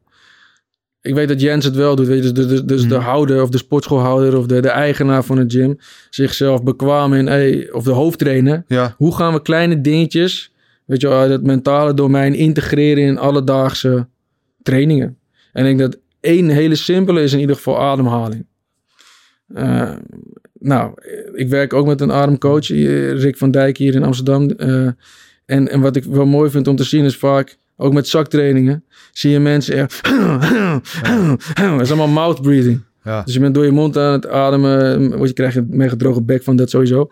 Ehm, maar het is ook niet goed voor je Nee. systeem. Dus je moet eigenlijk leren zoveel mogelijk je ademhaling re- te reguleren door je neus. En, en bijvoorbeeld dus als je stoot, dat je dan een tss of een, een dicht geluid maakt met je lippen. Ja. Zodat je spanning hebt in je core. Als je dit doet, nou, probeer het maar. Je voelt geen spanning op je core. Dus is je stoot ook minder effectief. En alleen al, zeg maar, daar een soort van een klein beetje aan toewijden in een zaktraining. Kan denk ik al nou, best wel vergaande vo- gevolgen hebben voor Ja. mensen die er wel voor kiezen om van die zaktraining naar bijvoorbeeld een wedstrijd te gaan. Ja. Interessant. Ja, ik weet dat er een aantal, in de UFC in ieder geval, een aantal vechters die inderdaad ook met de ademhalingscoach Ja, werken. nou Adesanya laatst, ja, Adesanya inderdaad. die eh, gewoon op nose breathing ja. Eh, dat puur heeft gedaan. En dat is echt, dat is sowieso echt mega knap. Want eh, nou, ik train het zelf ook, dus, dus neusademhaling. En de reden daarvan is, nou één simpele reden is gewoon, je filtert hè. Dus je neus filtert alle Mhm. ellende. En je mond doet dat niet. Je mond is eigenlijk niet gemaakt om te ademhalen, je neus wel. Eh, en je reguleert dus eh, het balans tussen zuurstof en koolstofdioxide beter. Door je neus. En nog veel meer andere redenen, maar daarvoor Ja. moet je je dus in verdiepen om daar echt achter te komen. En, wat hij doet daar is echt heel knap, want dan doet hij dus op hoge, eh, weet je, hoge energetische waarden. Dus hij is daar natuurlijk aan het worstelen, aan het, aan, het, aan het vechten. En om dan nog steeds alleen al door je neus te kunnen blijven ademen, dat is echt heel knap. En dat Ja. vergt training. ja. En eh, om te laten zien dat hij dat nou, da- daar toen heeft toegepast. Dat is, dat is echt dedication. Maar je ziet dus het, de winst ook ervan. Want oogt hij moe? Nee. Hij zit niet zo... Nee, nee, Hij ja. staat gewoon weer op en hij is gewoon gecontroleerd. Dat doet ook nog eens psychologisch iets trouwens met je tegenstander. Ik denk, hey, what the fuck. Hij, eh, ja, dus dat tuurlijk. kan ook nog een mental game. Dus Over je- geen zwakte toon Ja, gesproken. Precies, blijf Ja. verstaan. Het is een heel, als ik zo adem... Het is een heel verschil als dat ik zo sta. Ja, Want dat vertelt mij namelijk, als ik naar de overkant van de ring kijk, dat je naar de kloten bent. ja. En dat ik op je ga inhakken. En de andere kant is ja. als ik daar sta en ik ben gefocust of ik zit een beetje rechtop op mijn stoel. Ja. En ik adem zo en ik kijk gefocust naar je.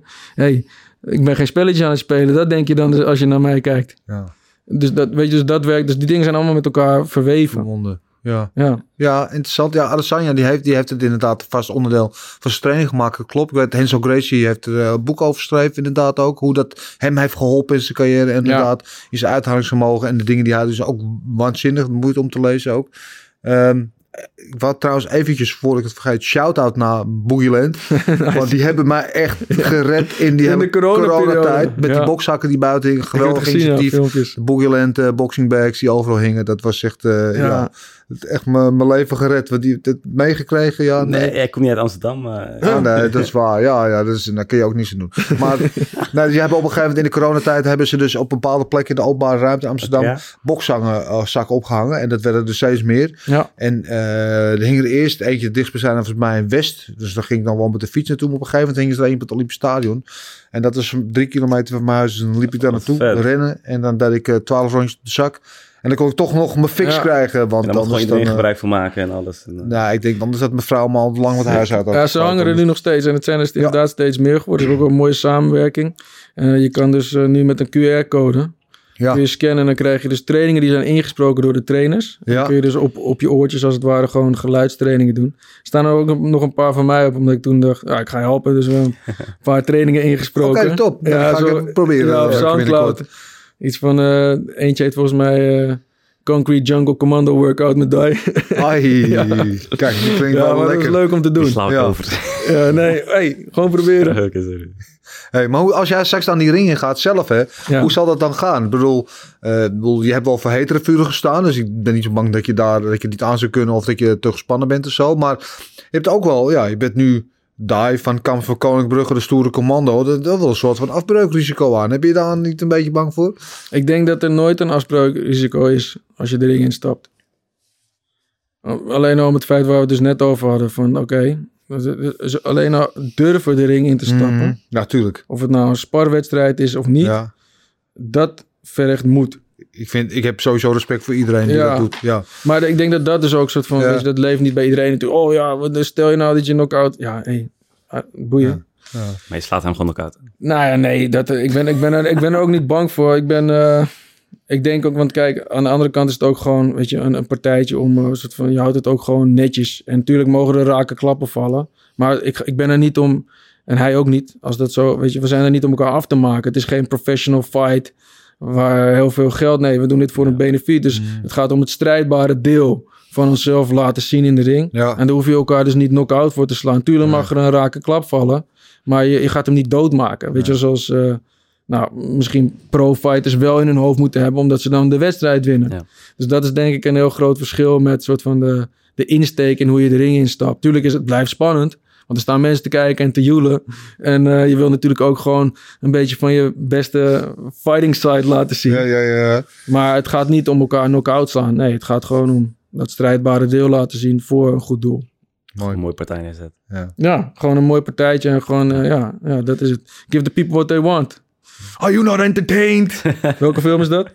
Is voor jouw tijd, hè? Als je nu niet weet, dan Ah, moet je push-ups maken. Marida. Push-ups maken, vriend. Ah, ja. Push-ups. ik, ben, Oh! ik ben 20. Je bent 20, is geen excuus. Levensstootje houden. Ja, die moeten we straks zeker. Ja. De Gladiator, man. Gladiators. Het is wel een klassieker. Het Is is echt wel, een- eh, als je het straks thuis komt, moet je hem gelijk kijken. Ja, Zou ik doen. het net Dan, dan, het misschien voel je dan echt het innerlijke vuur. Ja, misschien Ja. ga ik dan leeg in hem. is eigenlijk net als het dagboek van Anne Frank. Het is een soort van verplichte opvoeding. eh, is Ja. Dat. ja, ja. Maar over de ring ingaan eh, gesproken, hè Rida? Eh, we hebben jou weer eh, ergens heen gestuurd eh, deze week om eh, met eh, een vechter techniek te doen. Laten we even kijken. Er komt ons onderdeel Rida in de ring. eh, die we nu nog niet hebben. Dus daar gaan we even algemeen over praten. Ja, Rida, dat ging goed. Ziet er nog goed uit. Ik zeg, Ah, je ik, leef nog, ik leef nog, ik leef nog. Eh, Ja. Al nu al inmiddels een aantal afleveringen opgenomen. Ja. Vaak, eh, vaak ne- neergegaan, maar eh, we zijn er nog steeds hier. Dus, eh, Eh, ja, ik heb er alleen maar, net, net wat we net zeiden over iedereen die dat doet. Ik heb er alleen maar respect voor. Ja, En je- blijft terugkomen, dus eh had je. Zeker. Ehm, eh, trouwens, overigens, jij, jij geeft dus bokstraining. Eh, maar je hebt in, in, je militaire opleiding ook hand-to-hand combat en dat soort dingen Ja, geleerd. zeker. Als jij, als jij hem en Rida in de ring zou doen, welke techniek zou jij hem leren? Wat is jouw favoriete move? Mijn favoriete move. Ja, Nou, ik denk, ik zou je wat meer, niet per se voor de ring, maar meer voor op straat. Dus, Ja, eh, precies. dus zelfverdediging. Dus eh, ik heb ooit een keer van Jan Bloem, dat is een systema-expert in Nederland, heb ik les gehad.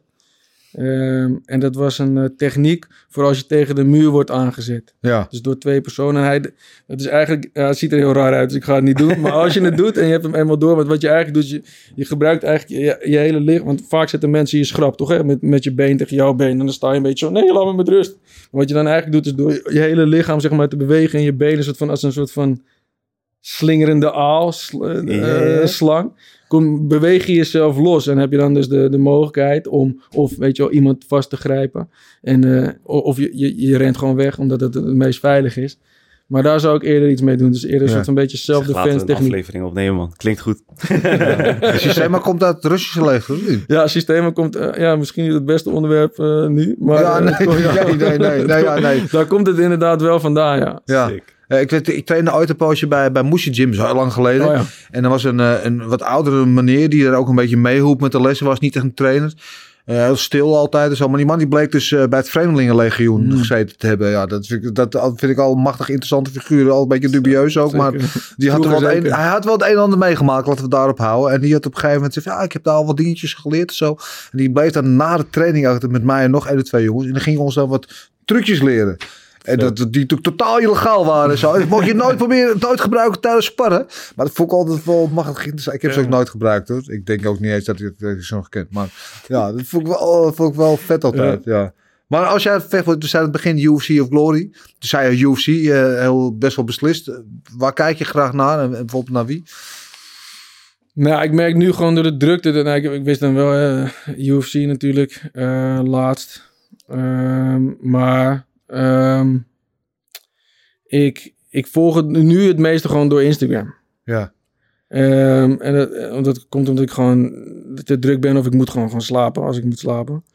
Ehm, dus het meeste volg ik nu gewoon een beetje sporadisch. Doe ik One Championship, volg ik wel. UFC volg ik wel.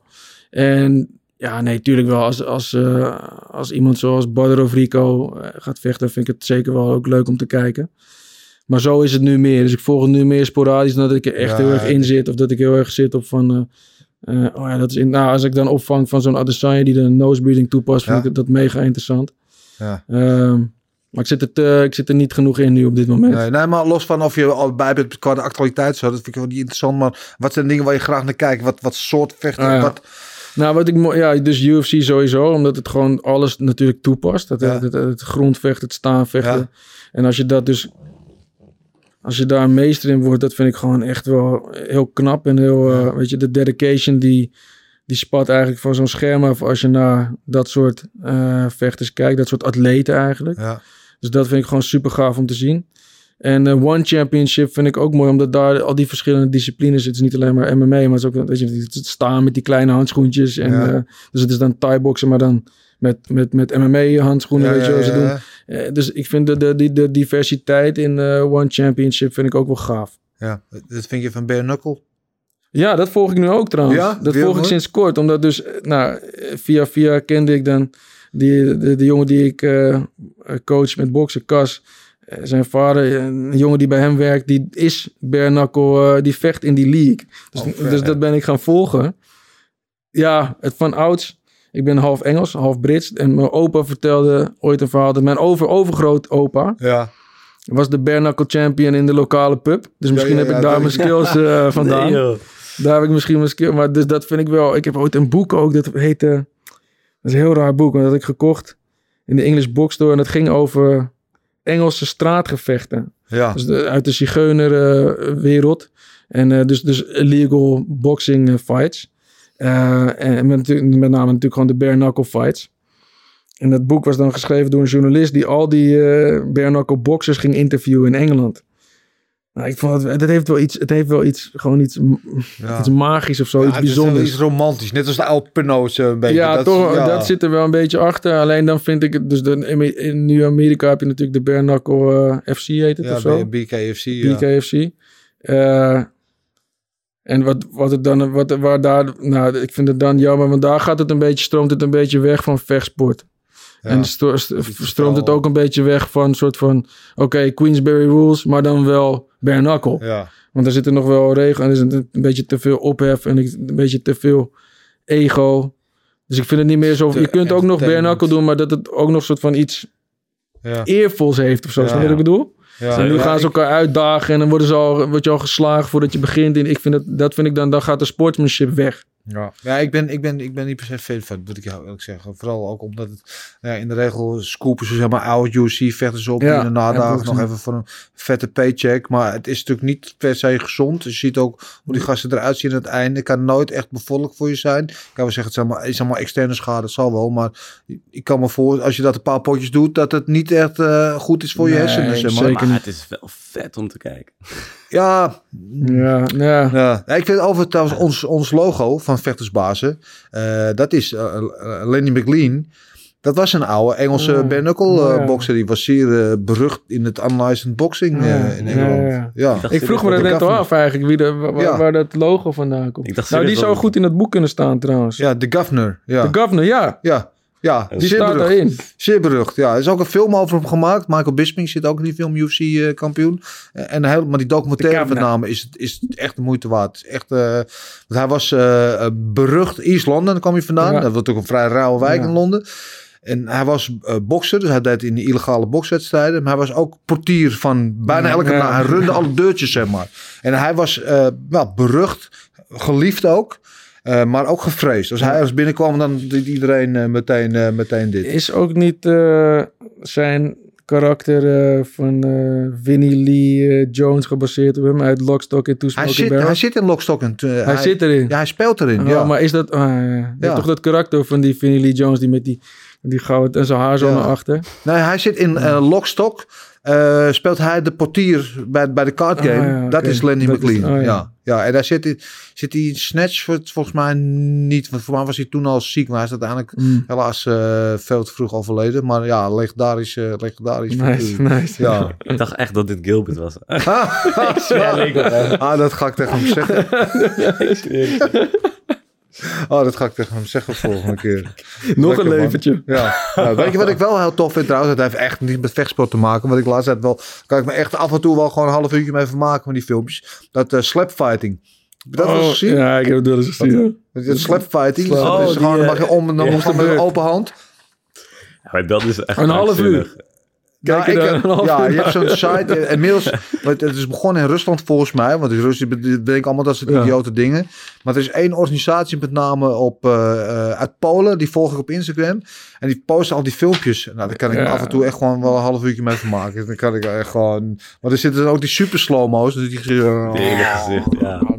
kwijl overal vliegen. En, eh, ja. Dat ze blijven staan soms. Hè. Echt van die zware jongens. Spam. Ja. Gewoon, gewoon doen alsof er niks aan de hand is, jongen. ja, even zo en dan weer, eh, weer door. Nee, ja. ik zou het niet doen. Ja. Nee. Ja, nee, ik... Nou, ik vind daar wat ik daar mooi vind. Je had, eh, ehm, vroeger had je met eh, Rings, had je, de, de, de, de vechtsportorganisatie. Ehm, en daar in helemaal het begin in Japan mocht je dan alleen met open hand slaan.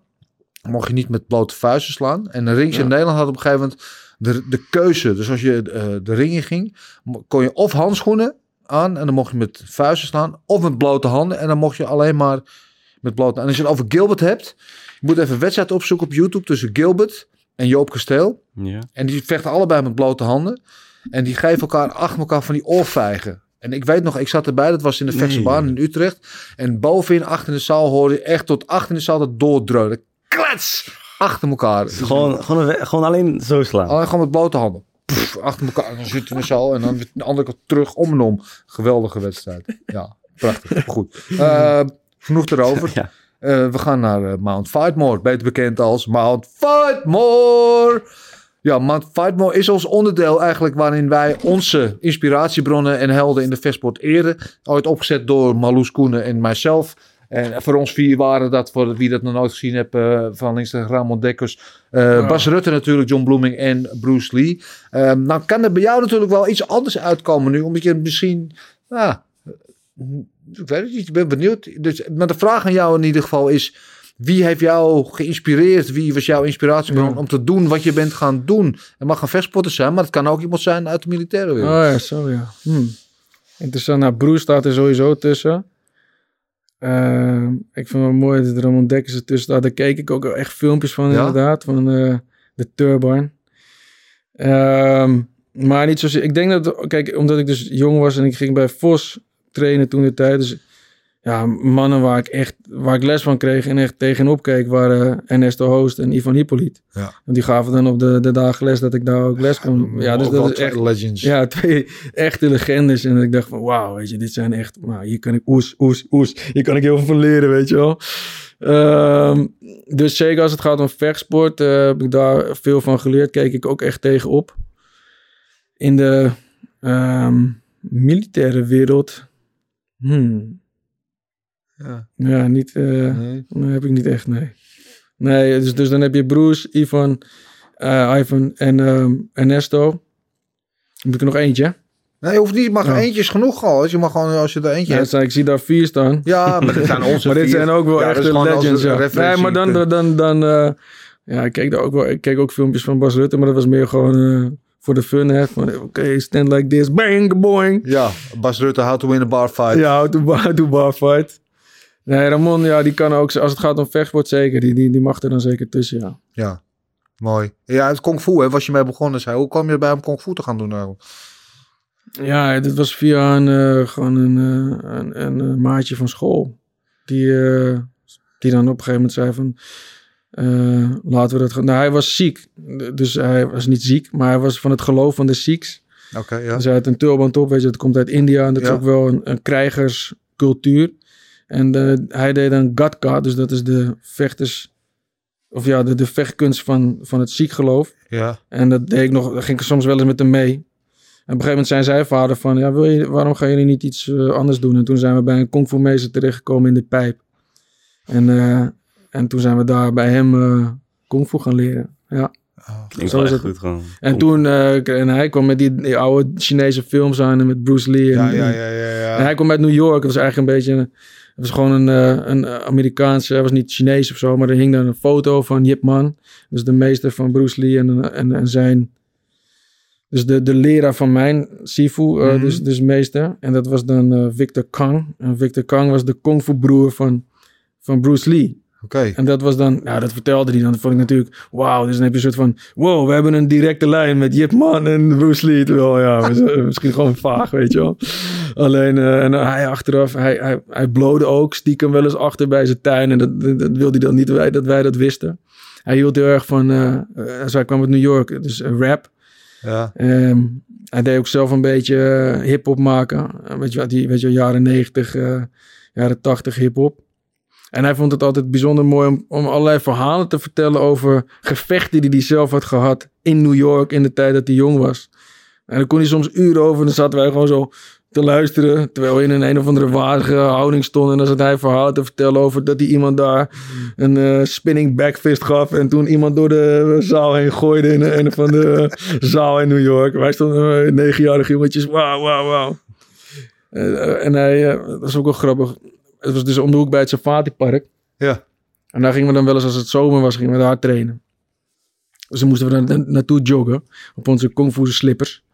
En dan had hij, had hij oké, luister goed jongens. Als we nu gaan joggen die kant op, zorg dan dat je je tenen omhoog houdt. Ja. Want als je dan te- ergens tegenaan stoot, dan flikker je niet om. Oh ja. Dus wij naartoe joggen, tenen omhoog houden, zodat als je dan weet je, ergens tegen... Ja, ja, het loopt niet makkelijk. Maar ik heb nog jarenlang... eh, Ja. heb ik nog zo gerend, omdat ik dacht dat, dat ik dan niet zou vallen met mijn tenen omhoog. Als een soort ninja, weet je wel. Die, eh, ah, ik ga niet vallen. Ja. Mooi. Ja, het apart wereld. Ik had vroeger een jongen in mijn team zitten, een voetbalteam, toen weet ik wel ook zoiets 8, 9 jaar waren, zo, misschien 10. Die deed ook een kung fu. En die kwam dan eh, op woensdag, had hij dan eerst kung fu training gehad. En dan kwam hij dan naar voetbaltraining. En ik ja, ik heb een leuk trucje geleerd. Nou, dat is nou, laat maar eens zien. Nou, dan gaf hij me een rotschop. dus voortaan, elke woensdag als hij kwam, ik heb een trucje geleerd. Rende iedereen al weg, weet je wel. en die deed niet, maar die vond het op een gegeven moment een beetje moeilijk om uit elkaar te houden. Want die maakte op een gegeven moment tijdens de wedstrijd een flying kick, brak hij iemand zijn benen. En toen is hij toch maar verder gegaan met kung fu en eh, voetballen daar gelaten. Hij heeft hij trouwens al goed gedaan. Want hij is volgens mij echt, geloof ik, de, de Grandmaster voor Europa geworden van Mm. Wushu. En Nee, dat is joh. wel helemaal doorgegaan, ja. Ja, apart. eh, Kung fu. aparte sport inderdaad, ja. Ja. ja. Ehm, Kamp van Koningsbrugge.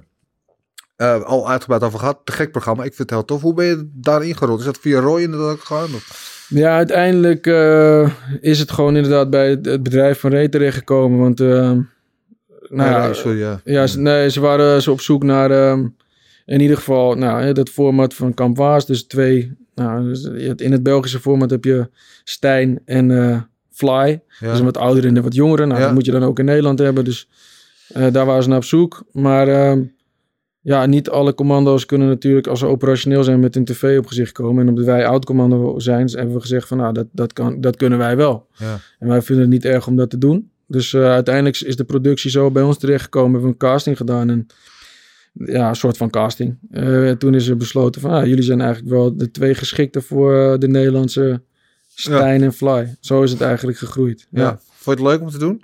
ja gaaf. Echt heel gaaf. Dus nu eh, twee seizoenen inderdaad. En eh, nou, het vooruitzicht op eh, meerdere seizoenen, dat zit er ook wel in. Dus het is wel echt... ja, ook dit keer was het gewoon bijna, weet je wel, anderhalf tot twee miljoen kijkers per aflevering.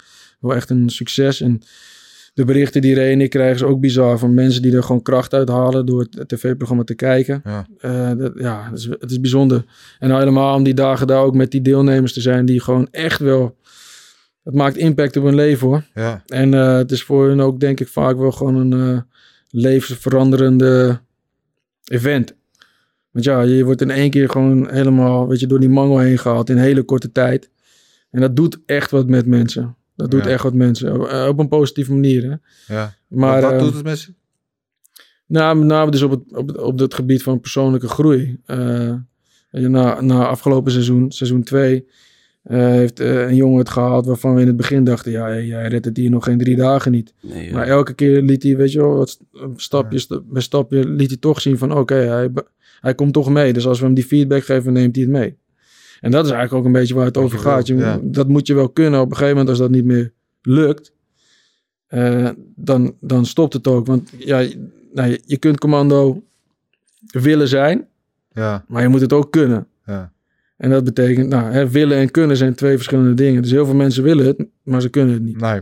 Of ze denken dat ze het willen, maar als ze het echt ja, doen, en dan dat ook blijkt nog dat ze eens. het toch Maar dat heb je ook. Weet je, Ja. dat gebeurt ook van op de driedaagse, maar ook in een tv-programma. Dan ben je een dag, twee dagen bezig. Dan denk je, oh, kut. Ja.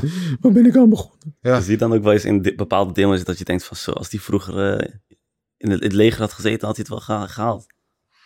Eh, hoe bedoel je? Gewoon bijvoorbeeld naar de winnaar bijvoorbeeld van, Oh, van ja. dat seizoen, denk je dat van, oh, die zou misschien ook wel echt een collega zouden. Eh, ja, nou ja, kijk, wat we doen is eh, in principe meten we volgens onze kernwaarden en mentale en fysieke standaard of deze mensen eh, geschikt zouden kunnen zijn om het werk uit te kunnen voeren. Maar dat doen we natuurlijk in een hele korte tijd. Ja. Dus ja, in theorie zouden ze de kans hebben om eventueel dus dan commando te worden. Alleen, ja, er zitten nog andere dingen aan vast. Ik bedoel, dan moet je wel de keuze maken om natuurlijk gewoon in één keer je leven wat je Ja, hebt op te ja. zeggen. Ja. En de opleiding van, nou ja, de, hoe heet het, acht eh, weken. Maar in principe hebben we gezegd, nee, kijk, dat is de, de, de kern van wat jij in je hebt, heeft kans om Ja. eh, dat te kunnen worden. Ja. Je bent het niet.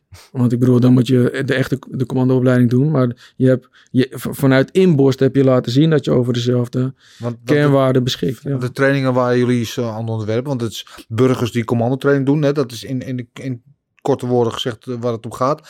Ehm, die training die, die jullie ze geven, de dingen die ze laten doen, hoe ver ligt dat af van, van de echte commandotraining? Is het, weet je, de milde versie of moet ik dat zien? Nou nee, nou, nee, wat ik net zei. Kijk, we willen dat het zo realistisch mogelijk is. Ja. Alleen, ja, wat, wat, het, wat het grote verschil is, is natuurlijk gewoon de tijd. Ja. Dus waar de, ander- de, de echte commandoopleiding anderhalf jaar duurt, hè, dat, dat, dat traject wat ik eigenlijk al aan het begin vertelde, dat moeten we op de een of andere manier stoppen in dat aantal dagen, wat het tv-programma is. Maar ja, ik moet eerlijk zeggen dat het wel heel goed lukt, want je haalt er toch wel uit datgene wat we aan het einde van het aantal dagen willen zien. Ja. Ehm, maar nee, natuurlijk, je bent geen commando speciale operaties als je, als je het tv-programma. Nee. Maar je hebt wel laten zien dat je gewoon Dat je, over, de, dat je de ja, over basics beschikt om, om het te kunnen worden. Ja. Ehm, dus, dus in die zin, realistisch, ja, we confronteren ze met zoveel mogelijk situaties die we zelf ook hebben meegemaakt. En daar zou ik nog op terugkomen inderdaad. Want bijvoorbeeld in seizoen 1 zie je dus dat ze moeten vechten tegen een professionele vechter. Ja. En dat heb ik ook moeten doen. Sterker nog, ik heb ook dus tegen Valentijn Overheem een, eh, een rondje moeten boksen. ja, hoe ging dat? Ja, heel goed. Nee. Ehm, wat ze dan, dus ik kwam de dojo in. En je weet dat dat moment gaat komen. Dus er is een gedeelte in de contraterreuropleiding. Nu heet het de assaultopleiding. Dus zeg maar, je leert tactieken. Je leert supergoed schieten en vechten binnenshuids. En eh, het, is, het is ook wel de voorloper voor bijvoorbeeld een, een HRO-opleiding. Dus eh, hostage release opleiding. Nou, dan komt die dojo binnen. Je weet dat het moment gaat komen. Er staan de professionele vechters. Nou, spanning, knoopje in je buik. Oké, we gaan weer knokken, let's go. En ik doe die deur open en ik zie daar zo... De, de opdracht was, oké, je moet die persoon redden. Ja. En die ziet er zo en zo uit. Oké, nou prima. Dus ik ga die dojo in. Dus ik zie die persoon die ik moet redden. Maar voor die persoon staat Valentijn Overeem. Die fucking drie koppen groter is ja. dan ik. Ja, weet je, die staat zo voor hem. En eh, dus ik nou, ja, hey you, come to me, zeg ik tegen die persoon. Maar die persoon, die, dat is een acteur, die zit dan eh, zo'n beetje, oh, die reageert niet op wat je Ja. zegt. Dus oké, prima, je moet dus knokken om hem Om te bevrijden. Ja. Of haar. Dus ik in mijn vechthouding, in mijn combathouding naartoe. En hij blijft gewoon staan waar hij staat. Weet je, rotsvast. En hij kijkt me zo en ik, oh shit, dacht ik. Maar ik zag dat zijn dekking wat hoog was. Ja. Dus hij stond een beetje zo naar me te kijken. ja, ja, ja. Dus ik denk, nou oké, dus ik kom dichterbij. Ik zie wat kleiner, eh, gesloten dekking. Ik kom dichterbij en ik denk, ik zie een opening. Dus ik geef hem een, opstoot tegen zijn kin. En ik, ik plaats hem ook. Dus ik raak hem. En gaf, en die zit op zijn kin. Ik zie in één keer zijn blik zo... Die verandert Oh shit. naar war mode. Oh En hij shit. zet, ja, hij zet zijn... eh, omdat ik natuurlijk kleiner ben. Ik weet niet precies meer wat. Hij pakte me een soort van vast. En daardoor zette hij me klem Ja. onder zijn borst. Dus ik stond eigenlijk een beetje voorover gebogen. En hij op mijn rug. En ik kon nergens naartoe. En toen begon hij links rechts. Bam, bam, bam, bam, bam. En ik probeer nog ten andere uit te komen met de ellebogen. Dat mocht niet. Hé, geen elleboog, zei de instructeur. Dus het enige wat ik kon doen was gewoon accepteren dat ik heel hard in elkaar werd gebukt door Valentijn Overheem. Lekker. En, de, de, en, en dat is het mooie, want dan ben je dus wel stuk na één rondje, maar je hebt maar ook kort de tijd om te herstellen. Dus oké, prima, dojo uit. Oké, volgende opdracht. Ja, nu ga je tegen twee. Dus dan moet je tegen twee pro eh, fighters of semi-pro fighters. Dus ik, ik kom erin en toen was het tegen, nou even niet tegen Valentijn, maar tegen een andere jongen. eh, dus tegen twee MMA-vechters. Die probeerden me naar de grond te brengen, Ja. boksen en vechten brengen. Nou, oké, die ronde voorbij. Volgens mij een ronde van twee minuten, drie minuten. Nou, helemaal stuk. Nog een keer. Oké, eruit. Eventjes 30 seconden op, op adem komen. Oké, nu nog een keer. En dan is het dus drie tegen twee.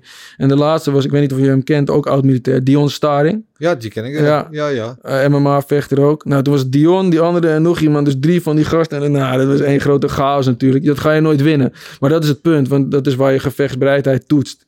Want je wil gewoon weer dat innerlijke vuur zien. ja. Van oké, als je in zo'n situatie terechtkomt, je moet gewoon door blijven knokken. En, en als je tegen drie eh, opponents vecht, eh, tegen dus, eh, weet je at the same time wil ik zeggen, dan moet je daar ook gewoon een soort van slim in vechten en een Mhm. beetje proberen uit te spelen. Maar je bent zo moe dat het ook niet meer lukt om van links naar rechts te blijven bewegen. Dus het enige wat je kan doen is gewoon, ja, dan maar gewoon eh, full gas erin gaan en hopen. worden en, ja, ja, ja. En hopen dat op tijd wordt gezegd, oké, stop. Nou, is genoeg. Ja, je, je, je, eindigt gewoon op de grond. Ja. En dat is dus ook iets wat je moet ervaren van doorgaan tot het, eh, tot Ja, het bittere opgeven. eind. Ja. En dan lig je maar op de grond. Maar dat, dat- ja, dat, dat is hoe je gevechtsbereidheid Volhouden. meet eigenlijk. Als het Het gaat er ook niet om dat je gaat winnen, want dat win je niet. Maar het Nee. gaat gewoon puur om... Precies, het eh, gaat erom dat je gewoon continu, ook al Doorgaan. denk je van, Karakter. ik lig hier op de grond, je moet er toch op de een of andere manier proberen uit te komen. En wij hebben natuurlijk wel het geluk in operationele setting, dat als ik hier op de grond lig, in deze kleding bijvoorbeeld, kan ik nog, weet je, dan is het dus zaak om bijvoorbeeld, oké, te focussen op mijn ademhaling en bij mijn wapen te komen. Ja. Als het moet. Of als ik in tactische, weet je, dus met een vest om, Ja. dan komt de grond en dan is hij aan de zijkant. Dus dan moet ik proberen in noodgeval op de een of andere manier toch bij mijn wapen te komen. Ja. En dat, is weer, dat, dat maakt de training natuurlijk weer heel anders. Maar het begint bij handen, voeten, staan en vechten. En dat gewoon overleven. Vet. Eh, een van de indrukwekkende momenten vond ik in afgelopen seizoen was eh, Robbie. Ja, Robbie Hageman, natuurlijk wel bekend. eh kickbokser, hier ook een paar keer te gast geweest. En ehm, eh, vooral het afscheid blijft mij het meest bij. Wat toen bij hem de emotie loskwam. En weet je, dat, ja, van, dat Jeroen aan hem vroeg van... Wat nou, als je er straks niet meer bent, wat wil je dan dat je kinderen zien? En hoe hij dat deed. En dat ik krijg nu weer kippenvel van als ik, als ik het vertel. Maar eh, hoe ver waren jullie op de hoogte van zijn geschiedenis toen hij begon met het programma? Eh, nou, dat werd ons volgens mij dag één verteld. Oké. Ehm, ja, dat werd ons volgens mij toen dag één verteld. Alleen ja, kijk, dat soort informatie, in principe is het ook niet fair voor hem. Als je dat dus meeneemt, hè, Nee. is een soort van... eigenlijk is het niet eerlijk voor hem als je hem daarop gaat beoordelen. Van, oh, oké, dat moeten we dus meenemen in onze beoordeling. Dan is het geen blanco beoordeling meer. Dus we, we waren daar wel van op de hoogte. Ehm, en ik moet eerlijk zeggen, toen dat moment, eh, ik heb daar ook wel een traantje om gelaten, dat zeg ik eerlijk Ja. hoor. Want ik had dat moment, ik was daar natuurlijk wel en hij ging weg en we hebben hem daarna natuurlijk nog gezien en omhelst en we hebben even een foto gemaakt en goed gepraat. En gewoon, het was een fijn afscheid van Ruby. Eh, daar ter plekke. Maar dat moment met Jeroen had ik ook nog niet gezien op beeld. Dus toen ik dat zag, heb ik, ja, want zeker nu door mijn eigen vaderschap, oei, ja. die kwam binnen, ja. En ik heb hem ook, we hebben ook nog wel eens contact. Dus ik heb hem een berichtje gestuurd. En eh, ja, we houden dus ook wel gewoon contact. Ja. Want eh, ja, het is een bijzondere, bijzondere man. En ehm, dat was een eh, bij- bijzonder emotioneel moment, ja. Ja. Wat, wat, wat gebeurde er dan? Ik, ik heb het niet meegekregen. Nou ja, Robbie eh, eh, heeft een hersentumor gehad, heeft geopereerd. Ja, En dat- was toen op een gegeven moment een verhaal, eh, je- mag nooit meer vechten. Hij had het onzalig idee opgevat dat hij wel wil, wil- wilde gaan vechten. Dat iedereen dacht van waarom? Waarom zou je het risico nemen? Maar ja, ook dat gevoel en dat, wat jij ook zegt, toch de extreme op willen zoeken van gewend zijn om te vechten en jezelf te testen. Heeft hij toen ingeschreven bij Kamp van Koningsbrugge. Ja. Uh, om dan, als je maar niet ging vechten, om dan op zichzelf op een andere manier te kunnen testen. Dat is eigenlijk denk ik het verhaal. En hij heeft het heel goed gedaan. Tot de ene laatste uitzending heeft hij het volgehouden. Uh, maar ja, daar wel met een, met een tikkende tijdbom in zijn hoofd. En uiteindelijk uh, viel hij af in de ene laatste uitzending. En nou, toen kwam alle emotie bij hem naar boven. En, en ja. ja, dat was, ja, ik vond het heel heftig om te zien. Zeker. Maar ik vond het ook vooral mooi om te zien. Ook wel de vechtlust want die, kwam, die zag je echt door het programma heen sijpelen bij, uh, bij hoe die daar uh, zei. was echt vastberaden om te laten zien dat iemand ook in zijn positie, of met zijn ja. verhaal eigenlijk, zomaar beter te zeggen, uh, niet afgeschreven hoeft te zijn. En dat vond ik wel heel inspirerend. Ja, zeker. Protégé ook, hè, van Ramon Dekkers. Kom ik achter. Ja. Ja, zijn ja. trainer geweest. Ja. Ja, mooi. Ja, nee, en um, ja, ik vind het ook gewoon, eh, weet je, in die, in die zin is het gewoon super tof dat hij op die manier ook de kans heeft gehad om zichzelf te laten zien. Want hij krijgt alleen maar positieve reacties op, uh, op het tv-programma. En uh, de manier waarop hij zich daar ja, heeft uh, gepresenteerd. En ja, dus ik, ik gun hem echt alles eigenlijk. is gewoon ja. mooi en mooi vind. Ja, ja, ik ook. Het is ja, het iemand die me na aan het hart ligt. Ja. Mooi. Um, ja, we gaan het volgende onderdeel in deze podcast. Is het gevecht met de Next Round boxzak. Uh, sinds een paar weken inderdaad bij ons te zien de Next Round boxzak. De slimme boxzak die niet alleen het aantal stoten, maar ook de kracht meet. Uh, en allerlei mooie programma's die je erop kan doen. We zijn heel, heel blij dat we hem in onze podcast hebben. Uh, we hebben al een paar kandidaten gehad. Jij hebt het ook gedaan, Dai. Vond je ervan? Lekker, even een potje rammen. Ik had nog uh, broodje in mijn buik zitten. Dus die voelde ik even heen en weer schudden. nou ja, leuk. Ik vind het een interessant, echt een interessant ding. Ja. Uh, dus leuk om mee te testen. Ik denk dat er best wel veel potentie in zit. Voor, voor professionele vechters, maar ook gewoon op, uh, weet je, op recreantenniveau of, of andere dingen. Het is een, het is, ik vind het een interessant ding, ja. ja. Ik zei ook al, voor Defensie zou het ook wel interessant zijn. Want meten is weten. En uh, dat, daar ben ik wel fan van. Ook de manier waarop ik train. Hartslag, veel hartslagmeting. Uh, want ja, anders weet je niet of je hersteld bent en weet je niet of je een hele zware training doet. Dus ik, ik meet mijn hartslag als ik, uh, als ik train. En daarom vind ik dit ook wel een gaaf, uh, gaaf apparaat. Ja, ja mooi. Een beetje tevreden met je score? Nou, dat kan beter denk ik. Hè? Er zit altijd verbetering. Nee, wel. Ik ben tevreden voor deze eerste meting, maar ik, okay. ik wil hem wel nog een keertje doen. Oké. Okay. Hij was technisch heel goed. Technisch, ja, jij hebt gekeken ja, van de buiten. Technisch. punten. Ja, dus, dus technisch goed. Alleen uh, daardoor verloor ik een beetje de kracht, hè, denk ik. Hm. Dat is altijd de afweging. Ga je mooi boksen? Ja. Of gaan gewoon, ga je gewoon uh, milling all out voorwaarts? Dat is windmill. Ja, ja precies. um, nou, mooi man. Ik vond het heel tof dat je er was. Ja. Echt mooie, inspirerende verhalen. Um, wil je er meer van weten? Je boek Nu of Nooit. Ligt in de winkel. Hè? Dan uh, kan je alles lezen over uh, nou ja, zijn belevenissen bij de Special Forces. Maar uh, ook hele mooie wij wijze levenslessen kun je eruit leren. Uh, ja, dankjewel man. Thanks man. Te gek. Ja, dankjewel. Top. Ja. Rida. Ja, ja, ook dankjewel. Ja, super interessant man. Echt. ja, dankjewel. Dus, uh, bedankt hiervoor man. Thanks guys. Ja, en eh, jouw eh Rita in de Ring die staat eh, aankomende vrijdag dan helemaal op het YouTube kanaal. Kan je de hele aflevering zien. En eh, volgende week ga je je weer ergens vrijwillig in elkaar laten slaan. Hè? Ja, altijd. Lekker. Lekker man. Heerlijk. Jullie allemaal bedankt voor het kijken of het luisteren. Je weet het, de Apple Podcast, Spotify of YouTube. eh, of je het nou wil zien of horen of allebei. Het kan allemaal. Vergeet niet te liken, te delen en vooral te abonneren. Belangrijk voor ons kanaal. Alsjeblieft, doe je ons een heel groot plezier mee. En vertel het vooral verder aan iedereen. Aan je tante, aan je overbuurman. En aan de lama van de achterburen. Want die willen misschien ook wel eens een leuke podcast. Oes!